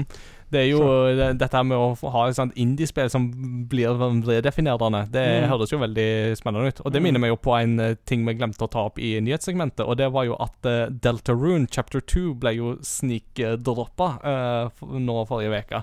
Uh, og Deltarune er jo da den åndelige oppfølgeren til Undertale, som jo er et av de indiespillene som har kommet de siste årene, som jo virkelig har uh, redefinert ting for veldig mange. Eh, det er jo særlig eh, gjengen i Level Up er jo veldig glad i den, f.eks. Og jeg vet jo at flere av våre lyttere har jo både Undertale og Toby Fox, uh, skaperen av Undertale, ganske høyt oppe på liksom sånn Best of all time-lista. Mm. Så uh, det var godt jeg huska å få det med nå i episoden. Hvis ikke så hadde vi fått, uh, fått eh, klager. Syns jeg hører Karl Morten Hogsnes er på vei. Plutselig så Ja da. for, ja, det, nei, det er jo litt sånn skam, da, men Undertale er jo fortsatt et sånt svart hull i min spillkunnskap. Men det skal tettes, jeg lover. Det Vi må bare få fri først, eller pensjonere meg. Alt etter som. Eh, jeg har valgt et kort og greit svar i lytterposten, og det er da rett og slett fra Severian, som eh, er en gammel traver, men så Men han har blitt veldig aktiv nå plutselig i det siste, og det er veldig kjekt, syns jeg. Og da har jeg litt lyst til å trekke fram hans svar. Det er kort, men det er ganske artig. Obsidian med uendelige ressurser. Pluss én på den, altså. Det Wow. Altså, det er jo eh, det, er jo det er jo nesten tilnærmet det de har fått nå, med tanke på at de er på en måte blitt en del av Microsoft og har den sikkerheten der. Så er det jo nesten som at de Det er ikke så langt ifra sannheten nå at eh, Obsidian Entertainment sitter der med ganske eh, sterke ressurser, i motsetning til hva de hadde mm, på begynnelsen av 2010-tallet. Så eh, det blir veldig spennende å se hva de kommer med. Jeg har en liten kommentar til akkurat her. Jeg, jeg satt faktisk og tenkte på dette her i, går. Jeg hadde en liten sånn Twitter-tråd gående. eh, om, fordi en av spørsmålene som kom opp eh, i forhold til at Deathloop kom ut, var liksom at det, var noen i den litt større spillpressa enn en oss eh, borte, borte i USA som stilte spørsmål om er Arcane eh, Hva var det jeg spurte? Er Arcane Microsoft sitt eh, Insomniac? var vel det de kalte det, liksom, hvis du skal sammenligne stallene til Sony og stallene til Microsoft. Mm. Og så tenkte jeg Nei, men Sony har ingenting som minner om Arcane, og de har heller ingenting som minner om Obsidian.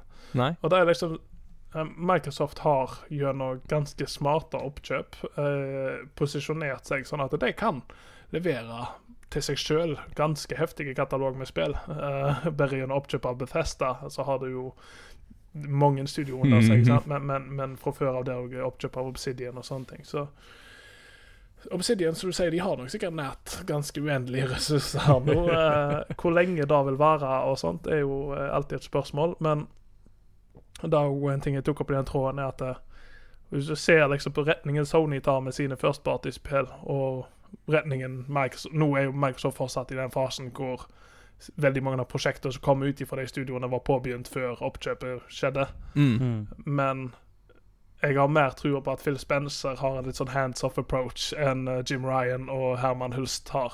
eh, bare Mm. ut ifra utsagnene deres i senere tid. Mm. Og jeg, eh, jeg spår ei lys fremtid for eh, mange av de Microsoft-eide selskapene, eh, studioene. Jeg tror det er ei vekt av skuldrene deres. Du ser på Double Fine og Psychonauts 2. Det er jo de Jeg tror det har hjulpet veldig mye med å få ting i mål for mange av de utviklerne, og jeg tror de kan liksom Så lenge de leverer, så kan det bli strålende for dem å være under Microsoft. Det Ikke er sant. spennende å følge med på. Mm. Ja, så det var lytternes eh, innspill. Eh, hvis vi skulle ha tatt våre egne pitch, eh, pitches på dette her, Anders, hva ville ditt svar vært i dette her? Dette her er et spill som har eksistert oppi hodet mitt siden jeg var sikkert 15 år gammel. Så det betyr jo snart halv, det er over halve livet mitt siden. Mm. Og det er fordi at jeg, jeg har en kompis som heter Christian. Og meg og han hadde en jeg og han hadde en veldig lang vei å gå ifra sentrum av der vi vokste opp, og hjem. Så vi, vi spitballer og spilleideer hele tida. Mm. Og det som jeg, meg og han alltid var enige om, er at meg og han er veldig stor fan av Mission Impossible-filmene. Ja. Uh, og eh, når du drømmer høyt og, og sånt, så kan du jo på en måte Du, du, er, ikke, du er ikke avhengig av uh, av hva spill Hva som er uh, akseptert av spillere, eller noe sånt. Men et, et asynkront heist-spill, hvor alle spillerne har en unik opplevelse i forhold til hva jobb de har i disse heistene. Så er du getaway-sjåføren, så har du en mer bil, bilspillopplevelse. Er du hackeren, så er du litt mer sånn offsite, gjerne du kan sitte og så jobbe deg med, med disse her tingene. Mens du da gjerne har to-tre sånn eh, operatører ute på gulvet. Mm. Det, altså det er veldig vanskelig å si liksom, hvor, hvordan dette skulle ha fungert, men når du bare drømmer høyt, så er det liksom det. Og når det kommer til hvem skulle fått lov til å utvikle dette spillet Obsidian lagde Alpha Protocol, og Alpha Protocol er et strålende spill. Ja. Så- Så jeg ville hatt Obsidian til å lage det. Altså. Og, men da kanskje det, mange av de som jobbet i Obsidian på den tida, nå har foret derifra, men men Obsidian ca. 2010 eh, Mhm. kunne godt fått lov til å lage dette spillet, i mine øyne. Vi har ubegrensede ressurser, så det er ingen som tilsier at de som skal utvikle det, må være i live. Så for å Mm. liksom parafrasere Monty Python, så kan du fort si 'bring back the dead', og så kan du Mm. bare få Ding, ding. tilbake. Få Warren Spekter inn på konsulentsida òg, da, så har Da snakker vi. Så, det, så, det du, så du snakker om et spill hvor du har én main story, men du, må spille, du kan spille om og om og om igjen som forskjellig karakter, og hele veien få en ny story som kulminerer i en sluttstory, eller? Ja, altså da at det, det, det, det, Nå er jo fire player coop på vei tilbake, da, men Mm. jeg ville hatt liksom at det, er såpass forskjellig. Ja, Eh, liksom, det som er med GTA, hei- heist og GTA, er at opplevelsen er veldig lik for alle, fordi Mm. spillet er designa på én spesifikk måte. Ja. Men hvis spillet hadde vært utvikla sånn at det, det er Grunnen til at dette spillet aldri ville eksistert, er pga. at det er en sånn mantra i spill eh, når det handler om multiplierspill, at alle skal ha det gøy hele tida. og og du, hvis du har spilt sånn asynkrone multiplierspill, så er det sånn som Evolve, eksempel. Mm. Mm. Så, så grunnen til at Evolve ikke funker, er fordi at det er noen som liker å spille monstre, og det er noen som liker å spille uh, soldatene. Og Mm. når de blir tvunget til å spille de andre rollene, da har de det ikke gøy lenger. Og det, det, det er derfor denne ideen aldri ville fungert. Men Ja. Jeg tror Obsidian og Warren Spekter skulle fått det til å fungere. Altså. Ja. Det, du, du ville jo fått hatt det sånn at Getaway-sjåføren Han måtte liksom sitte der og bare sitte veldig lenge og bare vente, ikke Mm. sant? Og bare sånn Hamra litt på rattet og bare sånn. Og så bare sånn Go, go, go! Og så faen lov å kjøre. Mm. Det, men altså Jeg sa ikke det kom til å funke, men den, uh, det var ideen. Jeg har en film som viser at du kan kose deg veldig i bilen. da Det er Baby Driver uh, Mm. Det ser ut som en storkose seg. Ikke sant? Det, God film, for øvrig. Ja. Eh, Petter, hva er liksom ditt eh, drømmescenario i dette her? Hvis du får lov å liksom lage absolutt av hva du vil. Ringenes herre, atter en konge to. Tilbake. Nei. Uh, I, i hack and slash-spiller i, Ja, i ja. drakt. Nei, det, det var jo det vi sa du skulle ha den for remake av. Det var jo en, en tidligere gang, det. Men uh, Eirik eh, skrev jo uh, åt, uh, noe som à la The Oasis fra Ready Player One. Det virker skamrått og Altså, du, det er ikke sånn at du styrer en karakter lenger. På, du er en karakter i en, et univers hvor fantasi Det er altså i en gamingfantasi. Det er verden. Det har mm, Noe à la det hadde vært sinnssykt, sinnssykt kult. Mm. Um, så uh, Ja, det er Nei, jeg satt og tenkte litt, og så så jeg Eirik sitt uh, svar, og bare sånn mm, Der, uh, der sier du noe. Faktisk. Ja. Eh, mm, absolutt. Burde gått. Eh, jeg, jeg nevnte jo det at vi, vi, vi lekte liksom litt med en sånn eh, felles artikkel som, på dette her Game Rector før sommeren, og så vant det litt ut i sanden. Så jeg gikk liksom litt tilbake til hva forslaget jeg pitcha den gangen, og jeg vil trekke fram to av de. eh, der jeg faktisk hadde glemt ut den ene, men, eh, så jeg skal ta den jeg hadde glemt ut først. Og den minner litt om Nikolai sin, men det er da et Star Wars-spill, men som jeg da har kalt Star Wars The, Journey of, The Journeys of Asoka Tano. Som da rett og slett har Asoka Tano fra The Clone Wars som hovedrollefigur, og som da kartlegger hva hun gjør etter Clone Wars. Mm. For vi vet litt Altså, vi har jo fått en bok, eh, blant annet, som tar for seg eh, noe som vi holder på med, men altså jeg digger Asoka som rollefigur. Jeg, altså, for meg så er Asoka en av mine hands down-favoritter. Mm. Og det å få noe mer med henne der hun må klare seg etter Order 66 og liksom den prosessen videre der, eh, det hadde jeg syntes hadde vært veldig, veldig gøy. Og da fått med Altså, Ashley Eckstein måtte jo selvsagt vært stemmen alternativ kunne hatt Mm. Rosario Dawson, som, uh, siden hun spiller Asoka i The Mandalorian. Uh, men òg da kanskje fått med noen av de andre stemmeskuespillerne, sånn som D. Bradley Baker, for eksempel. Fått han med i en eller annen rolle som Clone Troopers eller lignende, da. Som hadde vært veldig, veldig artig, syns jeg, da. Og Respawn gjorde en god jobb, de, med mm, Star Wars Jedi Fallen Order, så eh, de kan gjerne få lov å prøve seg på dette, de, altså. Um, så det er liksom det jeg har tenkt i den banen der. Men uh, hovedpitchen min i dette her, det er da en eh, Altså, Castlevania er jo en serie som er har lang og god historie, og som har ligget brakk altfor lenge. Men Mm. Netflix-serien har jo gjort at den nå skriker meg etter mer Castlevania. altså, den serien har liksom blitt enda mer eh, attraktiv igjen, ikke sant? Ja. Så jeg vil da ha en reboot, eller ikke en reboot, men jeg vil ha et nytt Castlevania som kanskje veksler mellom 2D og 3D. Uh, og at de denne gangen faktisk da får 3D Castlevania til å fungere skikkelig. Og det, her, Anders, nå, nå kommer litt kontroversielle her. For jeg vil da ha Platinum Games og Yoko Taro med på dette her. Uh, fordi jeg eh, de gjorde en veldig god jobb i lag med Near Automata. Eh, Ja, vi kan være uenige om Nier Automata, men jeg tror nok Yoko Taro Altså, mannen Det er jo ikke noe i veien med, med, med han. Det er bare jeg, Om jeg ikke liker Nier Automata, så er ikke det det er ikke, Jeg fordømmer ikke Yoko Taro og alt hans verk basert på det. Jeg tror jeg hadde likt New Replicant veldig godt, så. Så, Mm. Så, så jeg, jeg er 100% med på den, men uh, du snakket òg om Castlevania, og jeg, jeg bare venta på at du skulle si at uh, når vi lager 2D Castlevania så bruker vi artstylen fra den Netflix-serien. Ja åh. Dette her skriver jo seg sjøl. Dette her skriver jo seg sjøl. Og en ting er jo det at uh, Near Automata er jo et spill som kan veksle lett mellom ulike spillsjangere. Altså, de har jo mm, I et øyeblikk så er det jo en 2D action-plattformer, og så går det jo over i mer 3D Devil May Cry-aktig kampsystem. Og Altså, Jeg tror jo at Platinum Games absolutt kan få den til. Mm, og de kan få til fast-paced, high octane action, som jo definitivt vil ha i en Castlevania i et Castlevania-spill som tapper litt inn i liksom de samme adrenalinkanalene som Netflix-serien gjør.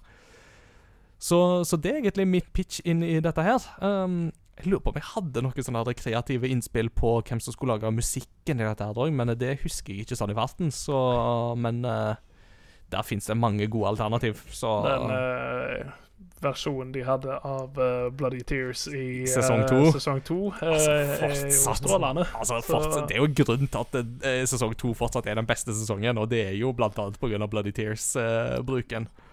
Må jeg minne deg på den scenen uh, i slutten av sesong tre, hvor uh, Som nå er skrivebordsbakgrunnen min, av uh, Belmont sitt over skuldra rett på den siste antagonisten.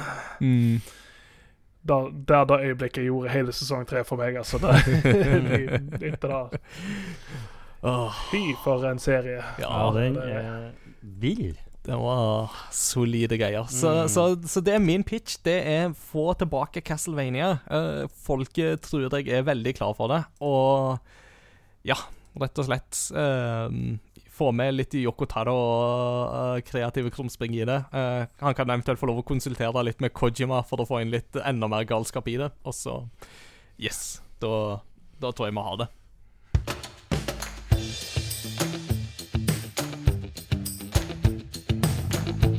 What you been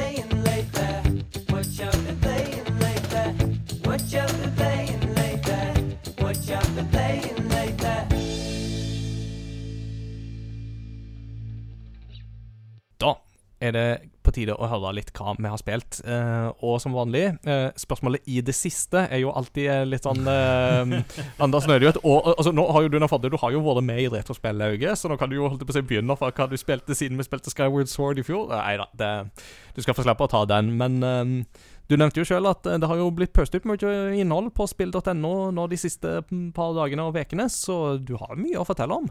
Ja, altså bare det å si i det siste er egentlig bredt nok til at jeg sliter med å huske. Eh, og, eh, men jeg har valgt meg ut noen spill, som, og det, er flere av disse det, Da snakker vi om de siste to-tre ukene her, da. Eh, og det første jeg vil dra fram, der er Deathloop eh, fra Arcane Studios, som jeg nevnte tidligere.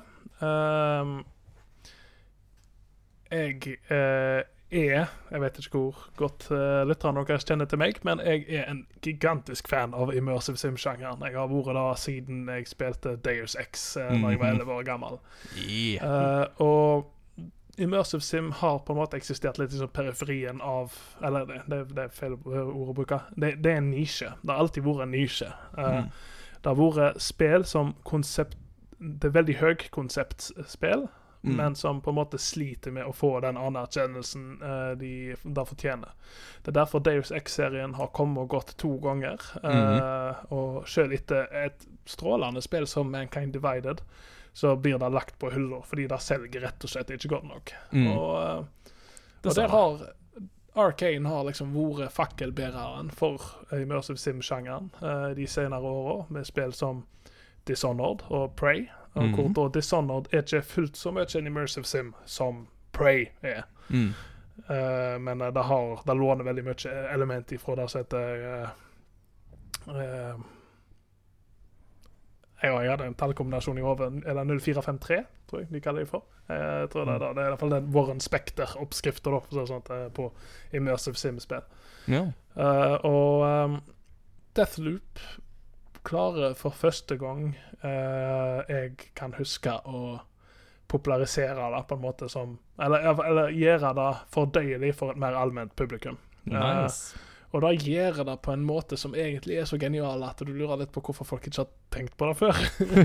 at, eh, for, for en ting som uh, kjennetegner Immersive Sim, er at uh, spill og tilrettelegger for alle slags mulige uh, spillestiler. Uh, enten du er en eh, For det er jo i bunn og grunn så er det jo rollespill. Mm. s- Så hvis du er en karakter som eh, eh, har et høyt fokus på stealth, eller du har et høyt fokus på å, bygge deg en så kraftig helt at ingen kan stoppe den, eh, og sånne ting. Eh, så eh, det som du ender opp med å gjøre da i disse spillene, er at eh, du følger som regel den stien du har danna deg. Liksom den, måten, den spillestilen du har, dikterer hva du kommer til å oppleve.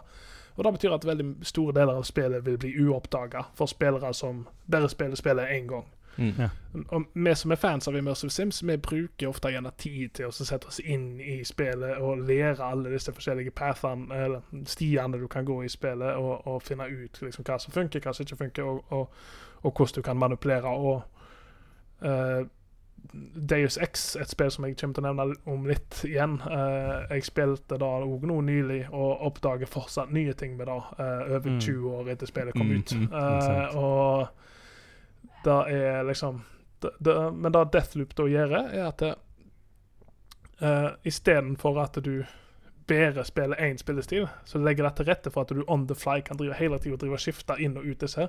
Og ikke bare det, men spillet tvinger deg til å gjøre det litt annerledes flere ganger. Grunn Mm. altså, må, målet med Deathloop uh, er at du er en figur som er fanga i en timeloop, Mm. uh, som strekker seg over én dag.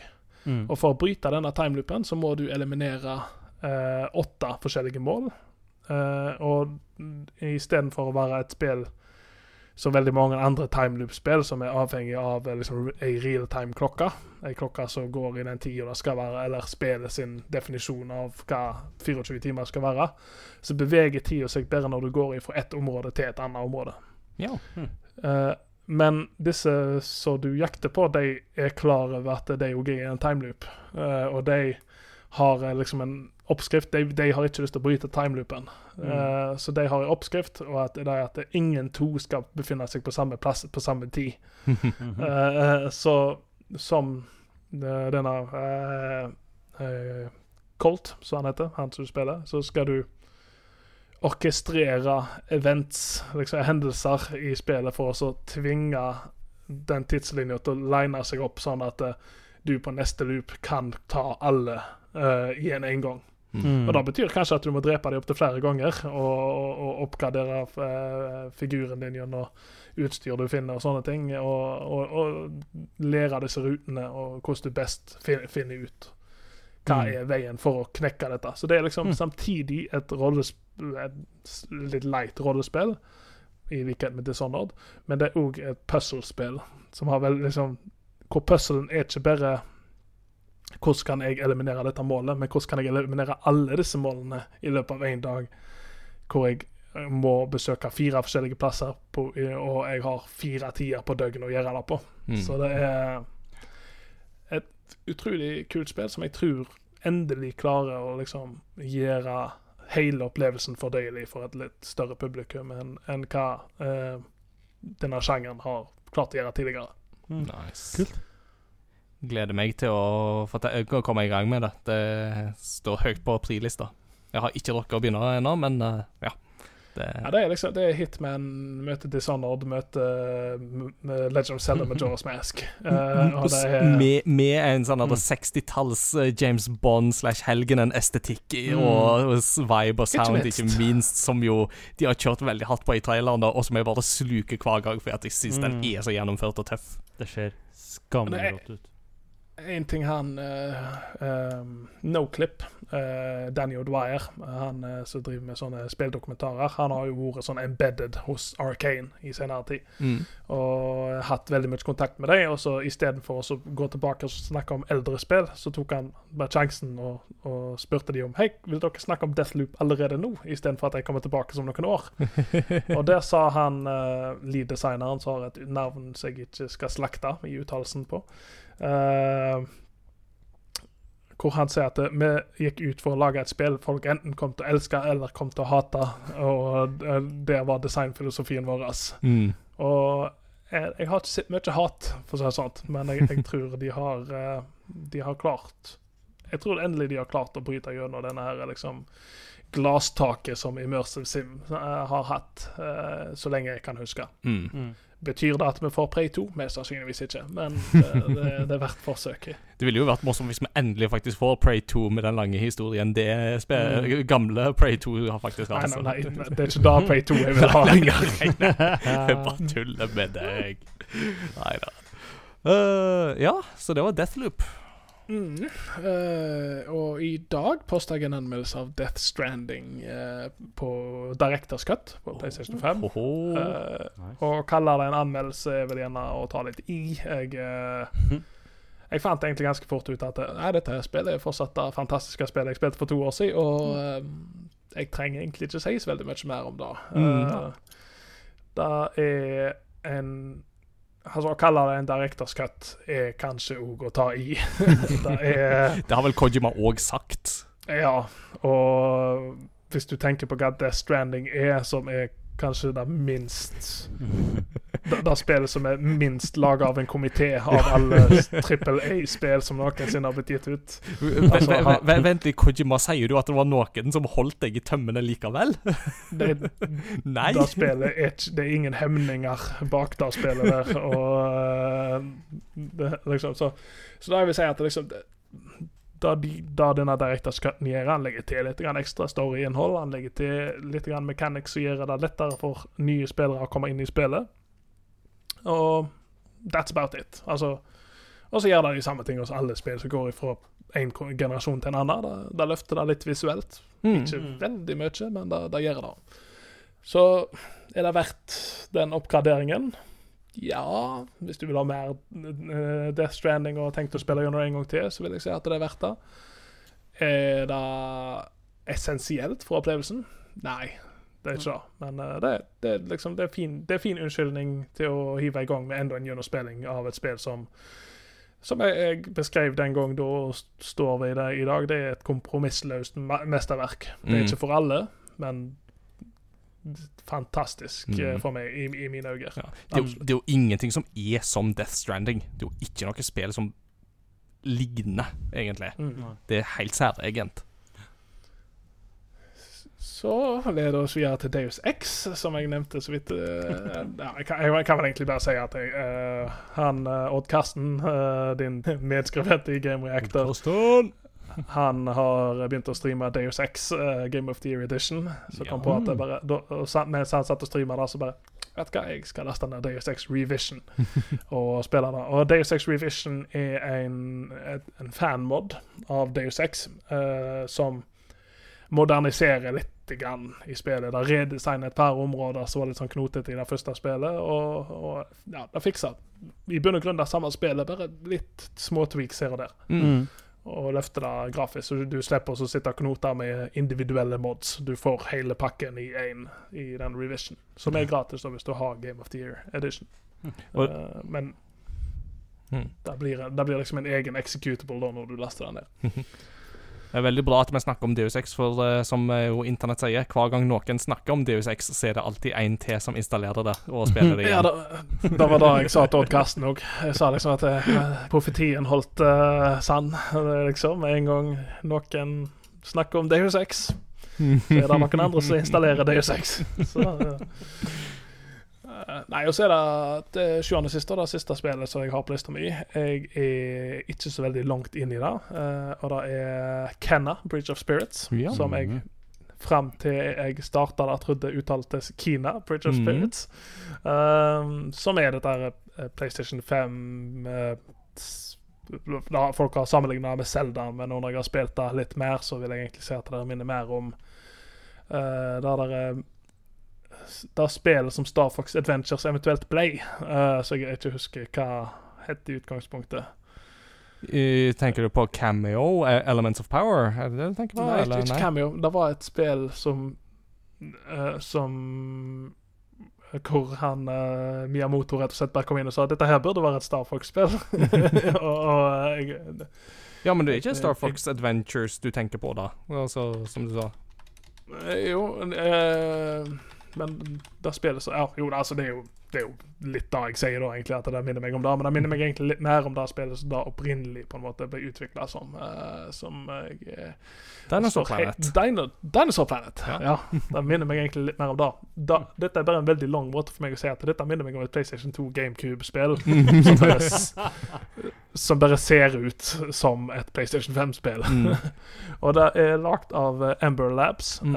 uh, som var studio bakom den uh, Majora's Mask-fanfilmen Terrible Fate. Mm. Og dette er det første spillet deres, og det er laga av et sånn 14-manns-team. Mm. Og når Mm. du ser dette spillet, så forstår du egentlig ikke helt hvordan, hvordan dette her laga av 14 mann. Mm. Liksom. Det, er- det, det stikker seg veldig ut visuelt sett. Mm. Og, det, gameplay, og da, den gode tingen med det er at det, det føles like godt å spille som det ser ut. Det er, Mm. det er et tvers gjennom bra gjennomført action-plattformerspill med en litt sånn twee uh, liksom eh, estetikk. Mm.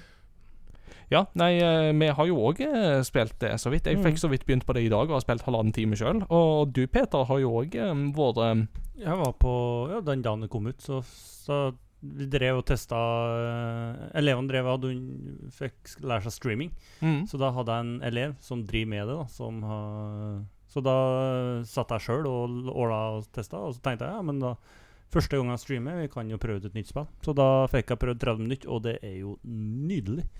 Mm. Uh, Utseendemessig, syns jeg. Det, jeg koser meg veldig med det.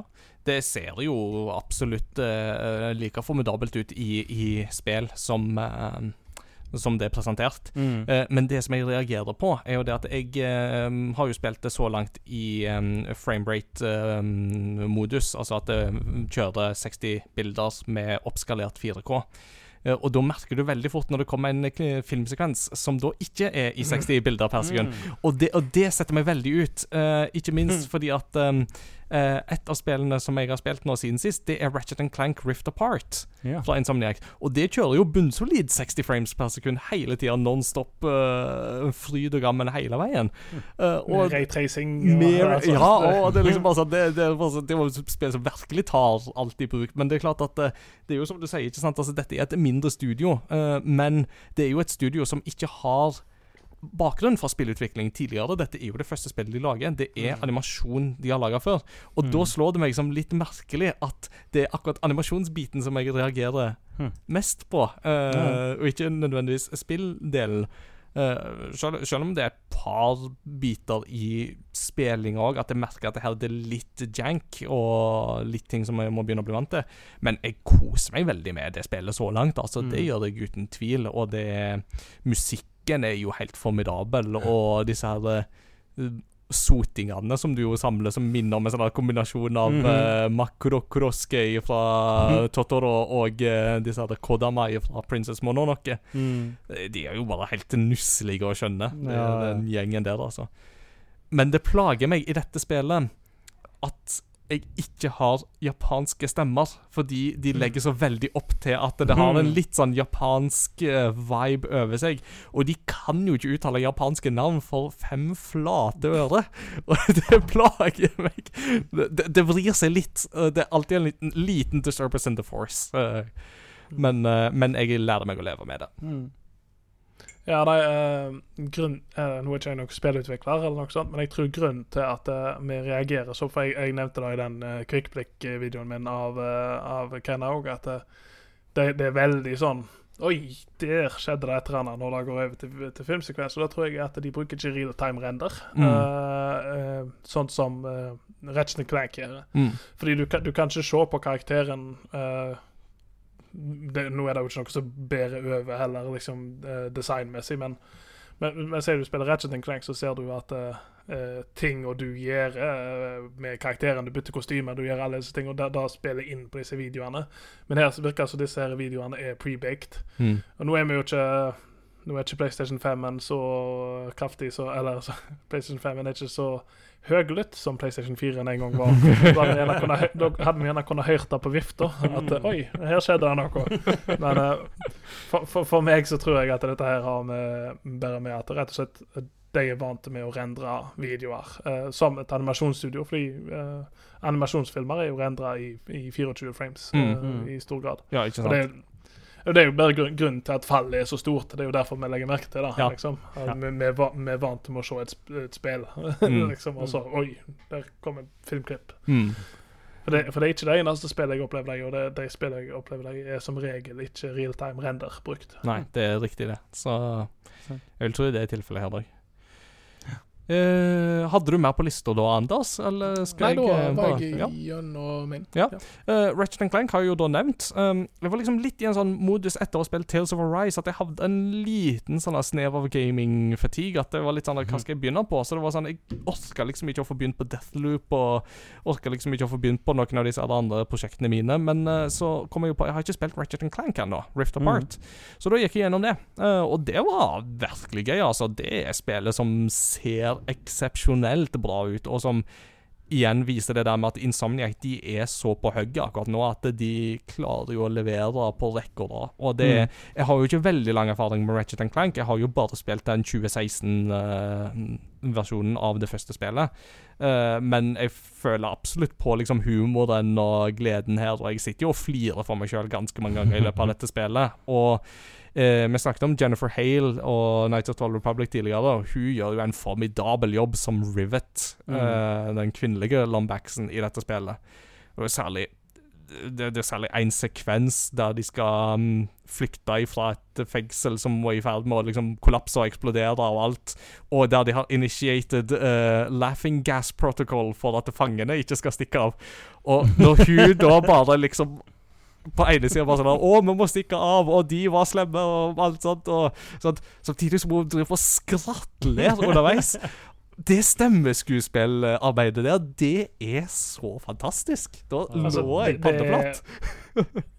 jeg, har alltid syntes at stemmeskuespillet i, i Ratchet Clank-serien har vært bra, men Mm. uh, så kommer Jennifer Hale inn og bare utklasser alle. Ja, andre, liksom sånn Oi sann, her var, her var nivået forskjellige. Ja, ja, liksom.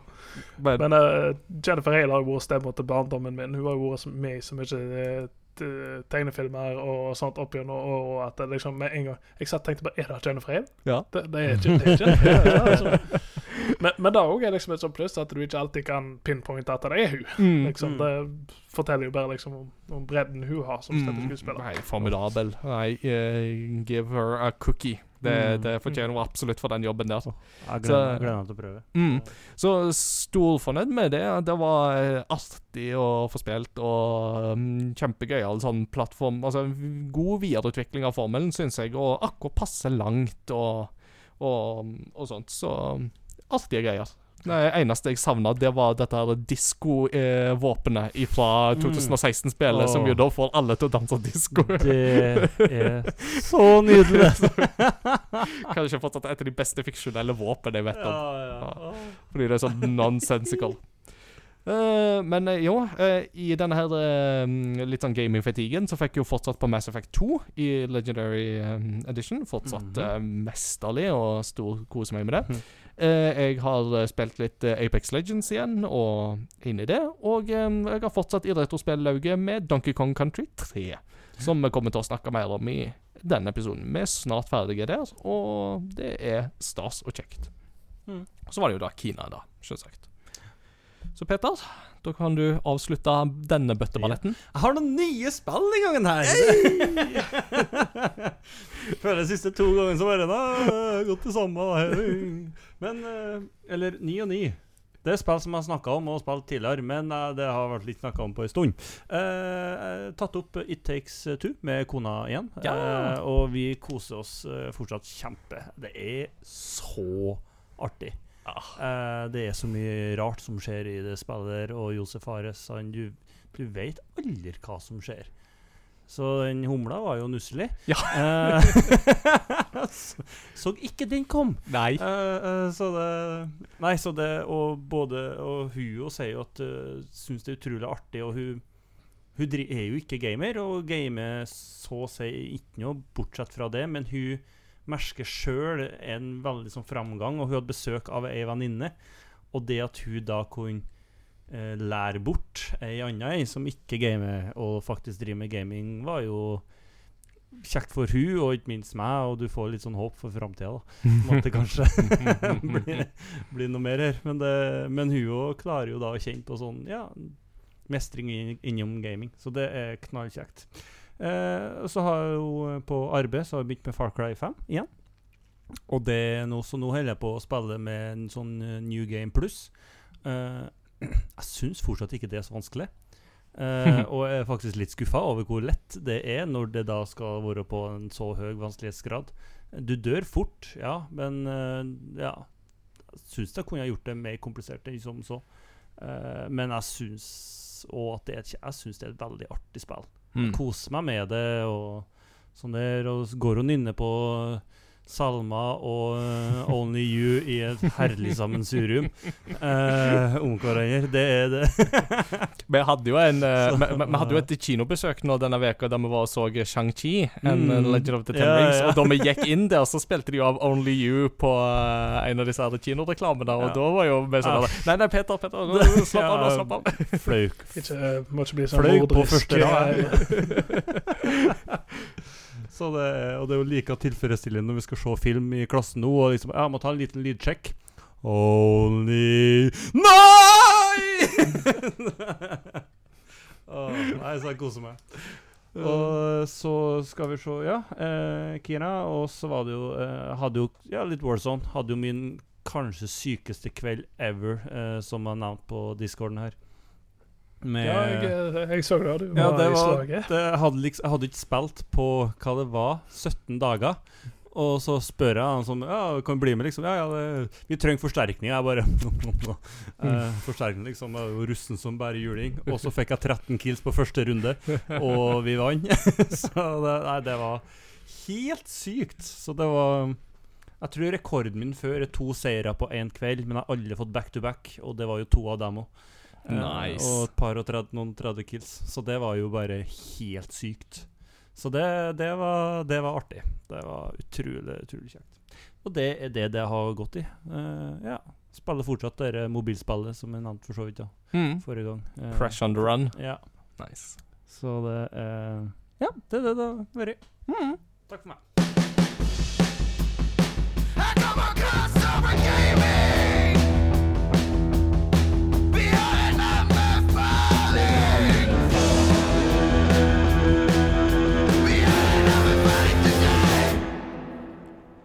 Vi begynner å nærme oss veis ende, men vi skal ha noen eh, innspill med både anbefaling og kuriositet og diverse først. Så um, Anders, uh, jeg stjal visst én anbefaling fra deg, men eh, du må gjerne gjenta den nå. Men uh, du må gjerne komme med de alle som du har, har klart den. Ja. eh, det er store sko å fylle, heter Sigrun. Uh, og hun jeg, jeg kan, De kommer ikke til å kunne måle seg, det vil å bare si her nå med en gang. Men du ba meg om å sette litt mitt eget preg på det, og, og, så jeg valgte en serie og et album og ei bok. Ja. Eh, ganske kort og enkelt. Um, Eh, når det kommer til serie, så er det da Masters of the Universe uh, Revelation. Nå fant jeg faktisk ut i dag at uh, det er to He-Man-serier på Netflix. Ja. Men, og den andre den så rett og slett bås ut, så bare basert på dette jeg så, så ikke, ta feil av de to. Gå og se Masters of the Universe Revelation. ja. Det er da Kevin Smith, filmregissøren Kevin Smith sin fortsettelse på Masters of the Universe, som er da den gamle He-Man-tegneserien ifra da vi var veldig små, sikkert før min tid òg, egentlig opprinnelig, men jeg så iallfall den da jeg var liten. Mm. Den, da den serien eh, på en måte klarer, og det er en ting som på en måte jeg, jeg må bare eh, berømme eh, Berømme Netflix for, med disse animasjonsseriene de har hatt. Uh, Shira eh, og Master of the Universe, eh, Castlevania og eh, den Witcher-filmen som kom ut eh, ganske nylig òg, er at eh, de de klarer å forstå på en måte mye av det som er, er eh, bakenforliggende. Men ikke bare det, de, de våger å utfordre det òg. Mm. Og det er uh, gjerne det Masters of the Universe uh, Revelation gjør best. Er at det er egentlig en He-Man-serie med veldig veldig lite He-Man i seg. På grunn av at jeg tar utgangspunkt i at He-Man dør i begynnelsen av han. I første episode. Spoiler! Eh, spoiler, men uh, ja, Altså, det setter jo opp uh, jeg, jeg, jeg tror Det er den første scenen. Jeg, jeg tror, jeg, tror jeg vet ikke om dette om jeg tar utgangspunkt i For jeg har ikke sett alt av den gamle Masters of the Universe, men jeg tror han tar utgangspunkt i hvordan eh, de som lagde serien, hadde tenkt å avslutte serien. Mm. Der at han tok en litt sånn mørk vri på han på slutten. så, så egentlig så er det litt sånn likt uh, måten The Witcher spiller, uh, fortsatte historien fra bøkene der. Mm. Er liksom At de bare endrer slutten litt, grann, Mm. bare for å få en tråd du kan spinne videre på. Og da, og da gjør den eh, serien veldig bra. Og animasjonsstilen er, er strålende. Og stemmeskuespillet Hun um, Penny fra Big Bang Theory har en av Mm. hovedrollene der. Ja, Kayleigh. Uh, Kayleigh Cuoco. Kay- ja. Og hun gjør en kjempejobb. Ja. Så, eh, så jeg, og, jeg syns liksom konseptet rundt eh, Her noen med, med, Nå har alle funnet ut Prince Adam sin hemmelighet, som er liksom den dårligste holdte hemmeligheten i of the Universe. Eh, så jeg, så jeg, jeg syns det var en ganske fin vri. Mm. Nå kom jeg på en ting som jeg satt og lurte på om jeg skulle skrive inn på. her, Så jeg, jeg fikk plutselig en anbefaling til, og den uh, er relatert til deg, Ingar. Oh, OK. Ja, spennende. Fordi jeg eh, En av mine store liksom, svarte hull i, i ting jeg liker, men uh, igjen jeg ikke har satt meg godt nok inn i, er at jeg har aldri sett Clone Wars uh, hele veien gjennom. Mm -hmm. uh, og grunnen til at jeg nå har kommet inn i det, er en podkast av Austin Walker, som tidligere jobbet i Giant Bomb, yeah. og tre andre som jobber i Waypoint, som er den nye arbeidsplassen hans Mm. Som heter A More Civilized Age, heter den podkasten. Ja. og den tar for seg tre og fire episoder, eller story arcs, da, i Clone Wars-serien som de har begynt i fra begynnelsen av. Og politisk sett så er, står vi litt langt ifra hverandre, de som har denne podkasten, og meg. liksom, bare Mm. sånn går- men eh, i måten de setter det i kontekst med amerikansk historie og sånne ting. Mm. Men det er veldig interessant å høre deres dypdykk inn i det, og så gir det meg en, en grunn til å se fire-fem episoder i, i, i en uh, sitting, på en måte. Mm. Så det er, det er så bi-weekly. Den kommer annenhver uke på onsdager, og nå er de nettopp ferdig med sesong to. Og nå begynner jo jeg å tenke hvorfor har ikke jeg gått i gang med Clone Wars før? Mm. For nå, nå begynner ting å skje. det liksom Alt som hjelper, det er bra. Så, så, så shout-out til den. Uh, Annet da, så på musikksida så er jeg et vanedyr uten like. Jeg eh, liker det jeg liker, og jeg hører på det jeg hører. Den eneste liksom nye inputen musikalsk sett kommer ofte gjennom soundtracka til spillet. Ja. Been there. Og da har uh, artisten Darren Korb, som jobber for eh, Supergiant, uh, bemerka seg veldig godt. Og det, jeg er veldig glad i alle spillene til Supergiant.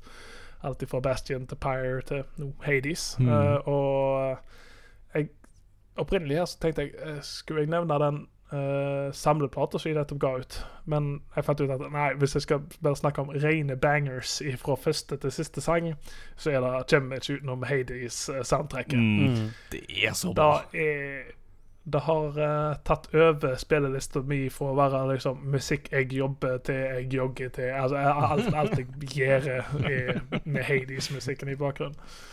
Uh, så det er shout-out til den. Yeah. Og hør på den. Spill Hades hvis ikke du har spilt Hades, Ikke minst. og hør på soundtrack. Jeg må gjennom jobben senere i år, så det ordner seg.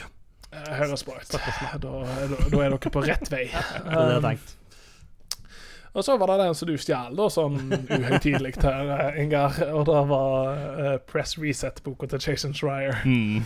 Um, du nevnte jo Kurt Schilling, og du nevnte uh, Kingdoms of Amalur. Grunnen til at jeg ville egentlig framheve boka, er nettopp pga. Uh, Warren Spekter. Ja. Uh, og uh, måten den boka på en måte viser hvordan han og uh, skjebnen til de studiene han har vært innom, og sånn har, har forma mye av, uh, av spillindustrien. Mm. Ikke bare designfilosofien hans, men òg rett og slett hva er konsekvensene av eh, å være populær og så ha en drop-off. Eh, og, og det som ofte skjer, da, er at studioene blir stengt. Mm. De blir lagt ned og sånne ting. Og det, er- det er dessverre en, uh, en konsekvens av systemet med alle lever under. Eh, og, men det, det er en konsekvens som på en måte ikke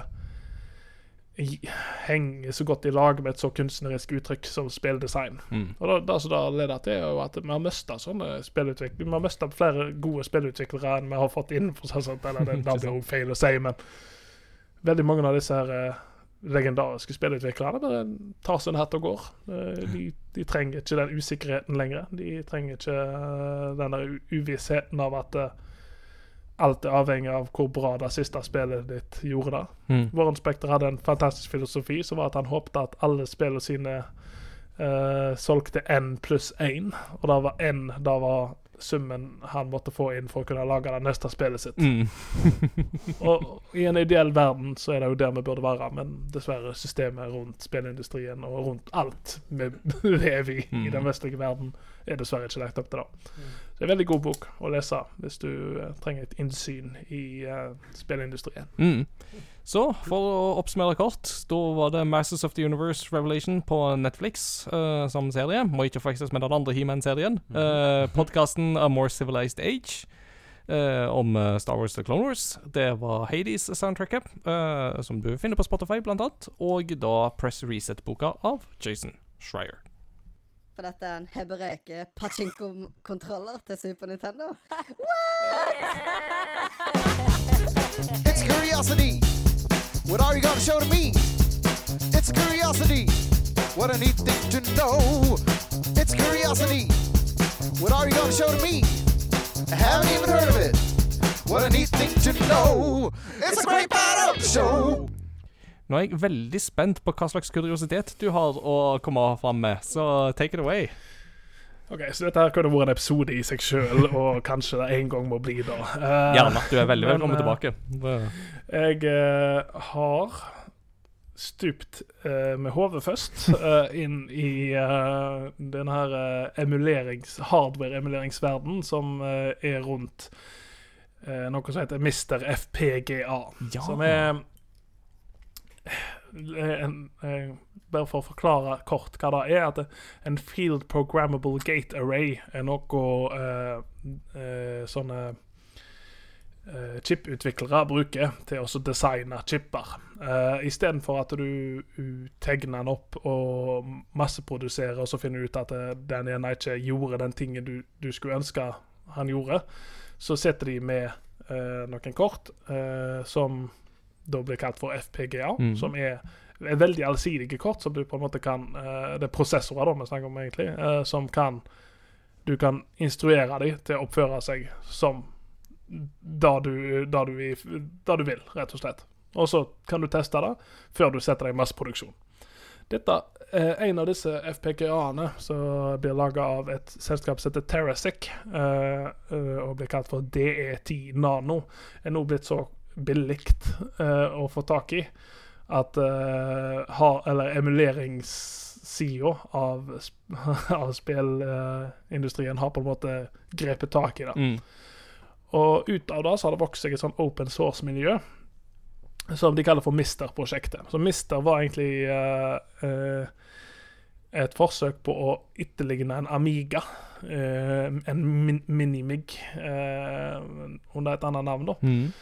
Men da, nå har det vokst seg såpass stort at det, med dette skal du drive med hardware-emulering. Altså emulering på hardware-nivå av konsoller opp til 32 bit. Oi. Eh, er, er den kompleksiteten de er kommet til nå, da.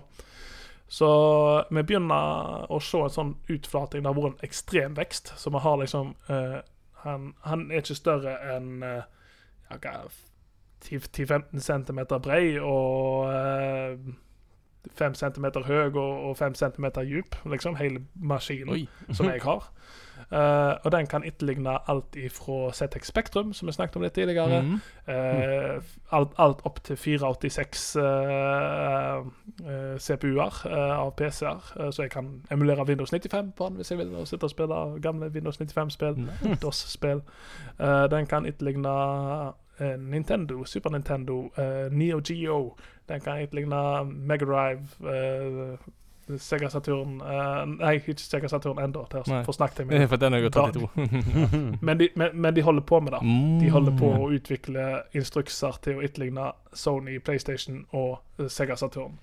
Kult. Og de ser for seg at da på en måte Da, da har vi nådd platået. Mm. Men det kan òg etterligne arkademaskiner og alle sånne ting. Så det er, det er så enormt gigantisk prosjekt uh, som mange Og det er helt open source, og folk driver og sitter på fritida si og utvikler dette. Det har vokst seg fram en sånn eh, cottage industry, eller sånn hytteindustri, av Mhm. folk som har Patrion som du betaler for for at de skal sitte på fritida si og studere disse, fordi alt er gjort i såkalt uh, reverse engineering Mm. Uh, for å holde oss da på den lovlige sida. De bruker ikke De har ikke tjuvkikka på eh, designdokument eller noe sånt som vil bryte med loven. Alt dette er gjort above board. Alt er gjort på den reneste mulige måten for å gjøre, å gjøre det lovlig. Hm. Liksom Holde det innenfor lovlighetens grenser. Og en, liksom Ja, det er kjekt for meg å kunne sitte og emulere Game Boy Advance eh, på denne her. Og disse analog-konsollene som jeg og deg eh, har en forkjærlighet for, uh, Inga, Ingar, det, det har òg vokst ut ifra dette her. Mm, ja. Eh, liksom disse det jo den Mega. SG og, og sånn. Ja, det er, den, det er den samme teknologien det er basert på. Og um, ja, altså Hva framtida holder for, for dette her, eh, blir vanskelig å, å si, men jeg tror at eh, andre sånne kort, så kanskje neste etterkommeren av DE10 Nano vil, vil komme og, og bli såpass billig at vi kan begynne å utforske uh, PlayStation 2 og, og andre ting eh, fram i tid, selvfølgelig. Men det gir den mest nøyaktige gjengivelsen av, av maskinen som det er, av at han, han gjør det på kretsnivå istedenfor i- Hvis du skal emulere på PC, da, så, så setter han én instruks over en annen instruks, og så må han kjøre gjennom den. Her bare etterligner han alt igjen en gang, og, og kjører akkurat som en originalmaskin bare ville ha gjort. Mm. Eh, som er liksom forskjell på å emulere på PC og emulere på denne her. Så jeg har eh, et lite arkadehjørne borti her, så jeg, hvor jeg spiller alt fra Amiga til Arkadespill. Jeg har spilt masse Street Fighter, jeg har spilt masse Marvel versus Capcom. Åh, Eh, så kos. og eh, det er veldig kos. Oh. Så da er min kuriositet. Oh, Det koster ca. 3500 å sette i gang med det, men når du først har satt deg i gang med det, så eh, Ingen vei tilbake. ingen vei tilbake. Så uante timer oh. før eh, en sånn. Og han har jo HDMI ut, så du kan koble den til hva som helst skjerm. Eh, men du kan også, han har òg VGA ut, så du kan koble den til en gammel CRT-PC-skjerm. Oh, Som jeg òg har stående her borte. Som jo er i dette. her. Nei, det er utrolig gøy å høre på. Og, og det blir veldig spennende å se om de kommer i gang med den 32-bit-generasjonen og sånt. Det blir jo spennende hvis de får til noe med Saturn og, og sånt. Mm. Kanskje 64. Sikkert Sanshiro approves. ja, sant? Og en 64. Mange har jo forkjærlighet for den. Sant? Så, Mm. så hvis de klarer å bryte gjennom det, men etter det, da er det nok stopp. Da er det nok liksom, mm. noe, nå har, har vi tynt maskinvaren så mye som vi kan. Men det jo liksom Det er bare å søke på Mr. FPGA, og så kan du se all slags bilder som folk har laga. Folk har jo bygd dette i arkademaskiner. De har funnet overganger som passer til gamle arkademaskiner. De har eh, eh, de har, de har laga egne datamaskiner, liksom, altså egne sånn som ser ut som en Amiga eller en Commodore. Liksom. De har 3D-printa skallet og lodda tastaturet. Altså, det er så mye du kan gjøre med dette hvis du bare vil. Wow. Så det er, det er helt vilt. Vi må ha, det, helt klart ha en egen emuleringsepisode etter Mm. og snakke om eh, det. Eh, det. Det tror jeg kan bli veldig gøy. Ja eh, Lang og god episode med masse innhold. Det kommer til veis ende. Vi hadde mye på tapeten denne gangen, så det er jo bare stas.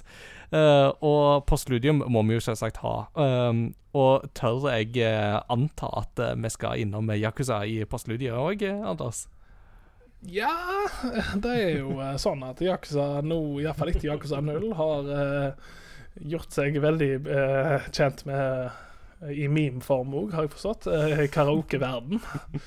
Og vi kunne jo tatt uh, Bakamatai, eller Ja, vi kunne tatt den. Men du sang litt av den i forrige episode, og nå sang du litt av den òg, så jeg tenkte vi går for Friday Night, som er eh, en rett og slett fantastisk eh, 80-talls festlåt. Ja. Åh, det er fra diskotek-minispillet, om jeg ikke husker feil. Da, Helt som rett. jo definitivt skriker 80-tallet. nice. Så det blir bra. All right. Anders, tusen hjertelig takk for at du var med. Uh, jeg, Takk for at jeg fikk jeg tror ikke det blir siste gang. Jeg kjenner at uh, du og meg vi må ha en Deus X-prat i alle fall en gang. Det uh, mm -hmm. har vi jo ennå ikke hatt. Og en emuleringsepisode hadde jo òg vært veldig gøy. Ja, det hørtes sykt spennende ut. da får vi jo jobba litt i tekken på, på det, så Mm. ja. Mm, uh, vi har ennå ikke avklart hvem som blir gjest i neste episode, så det blir litt eh, spennende. Vi vet ikke, dere vet ikke, og hvor tid vi vet, det gjenstår å se. Men inntil da så får vi bare si at den kommer nok til å gå som en dans, eh, den episoden òg. Så da sier vi bare takk for nå, og vi snakkes ved neste korsvei. Ha det bra!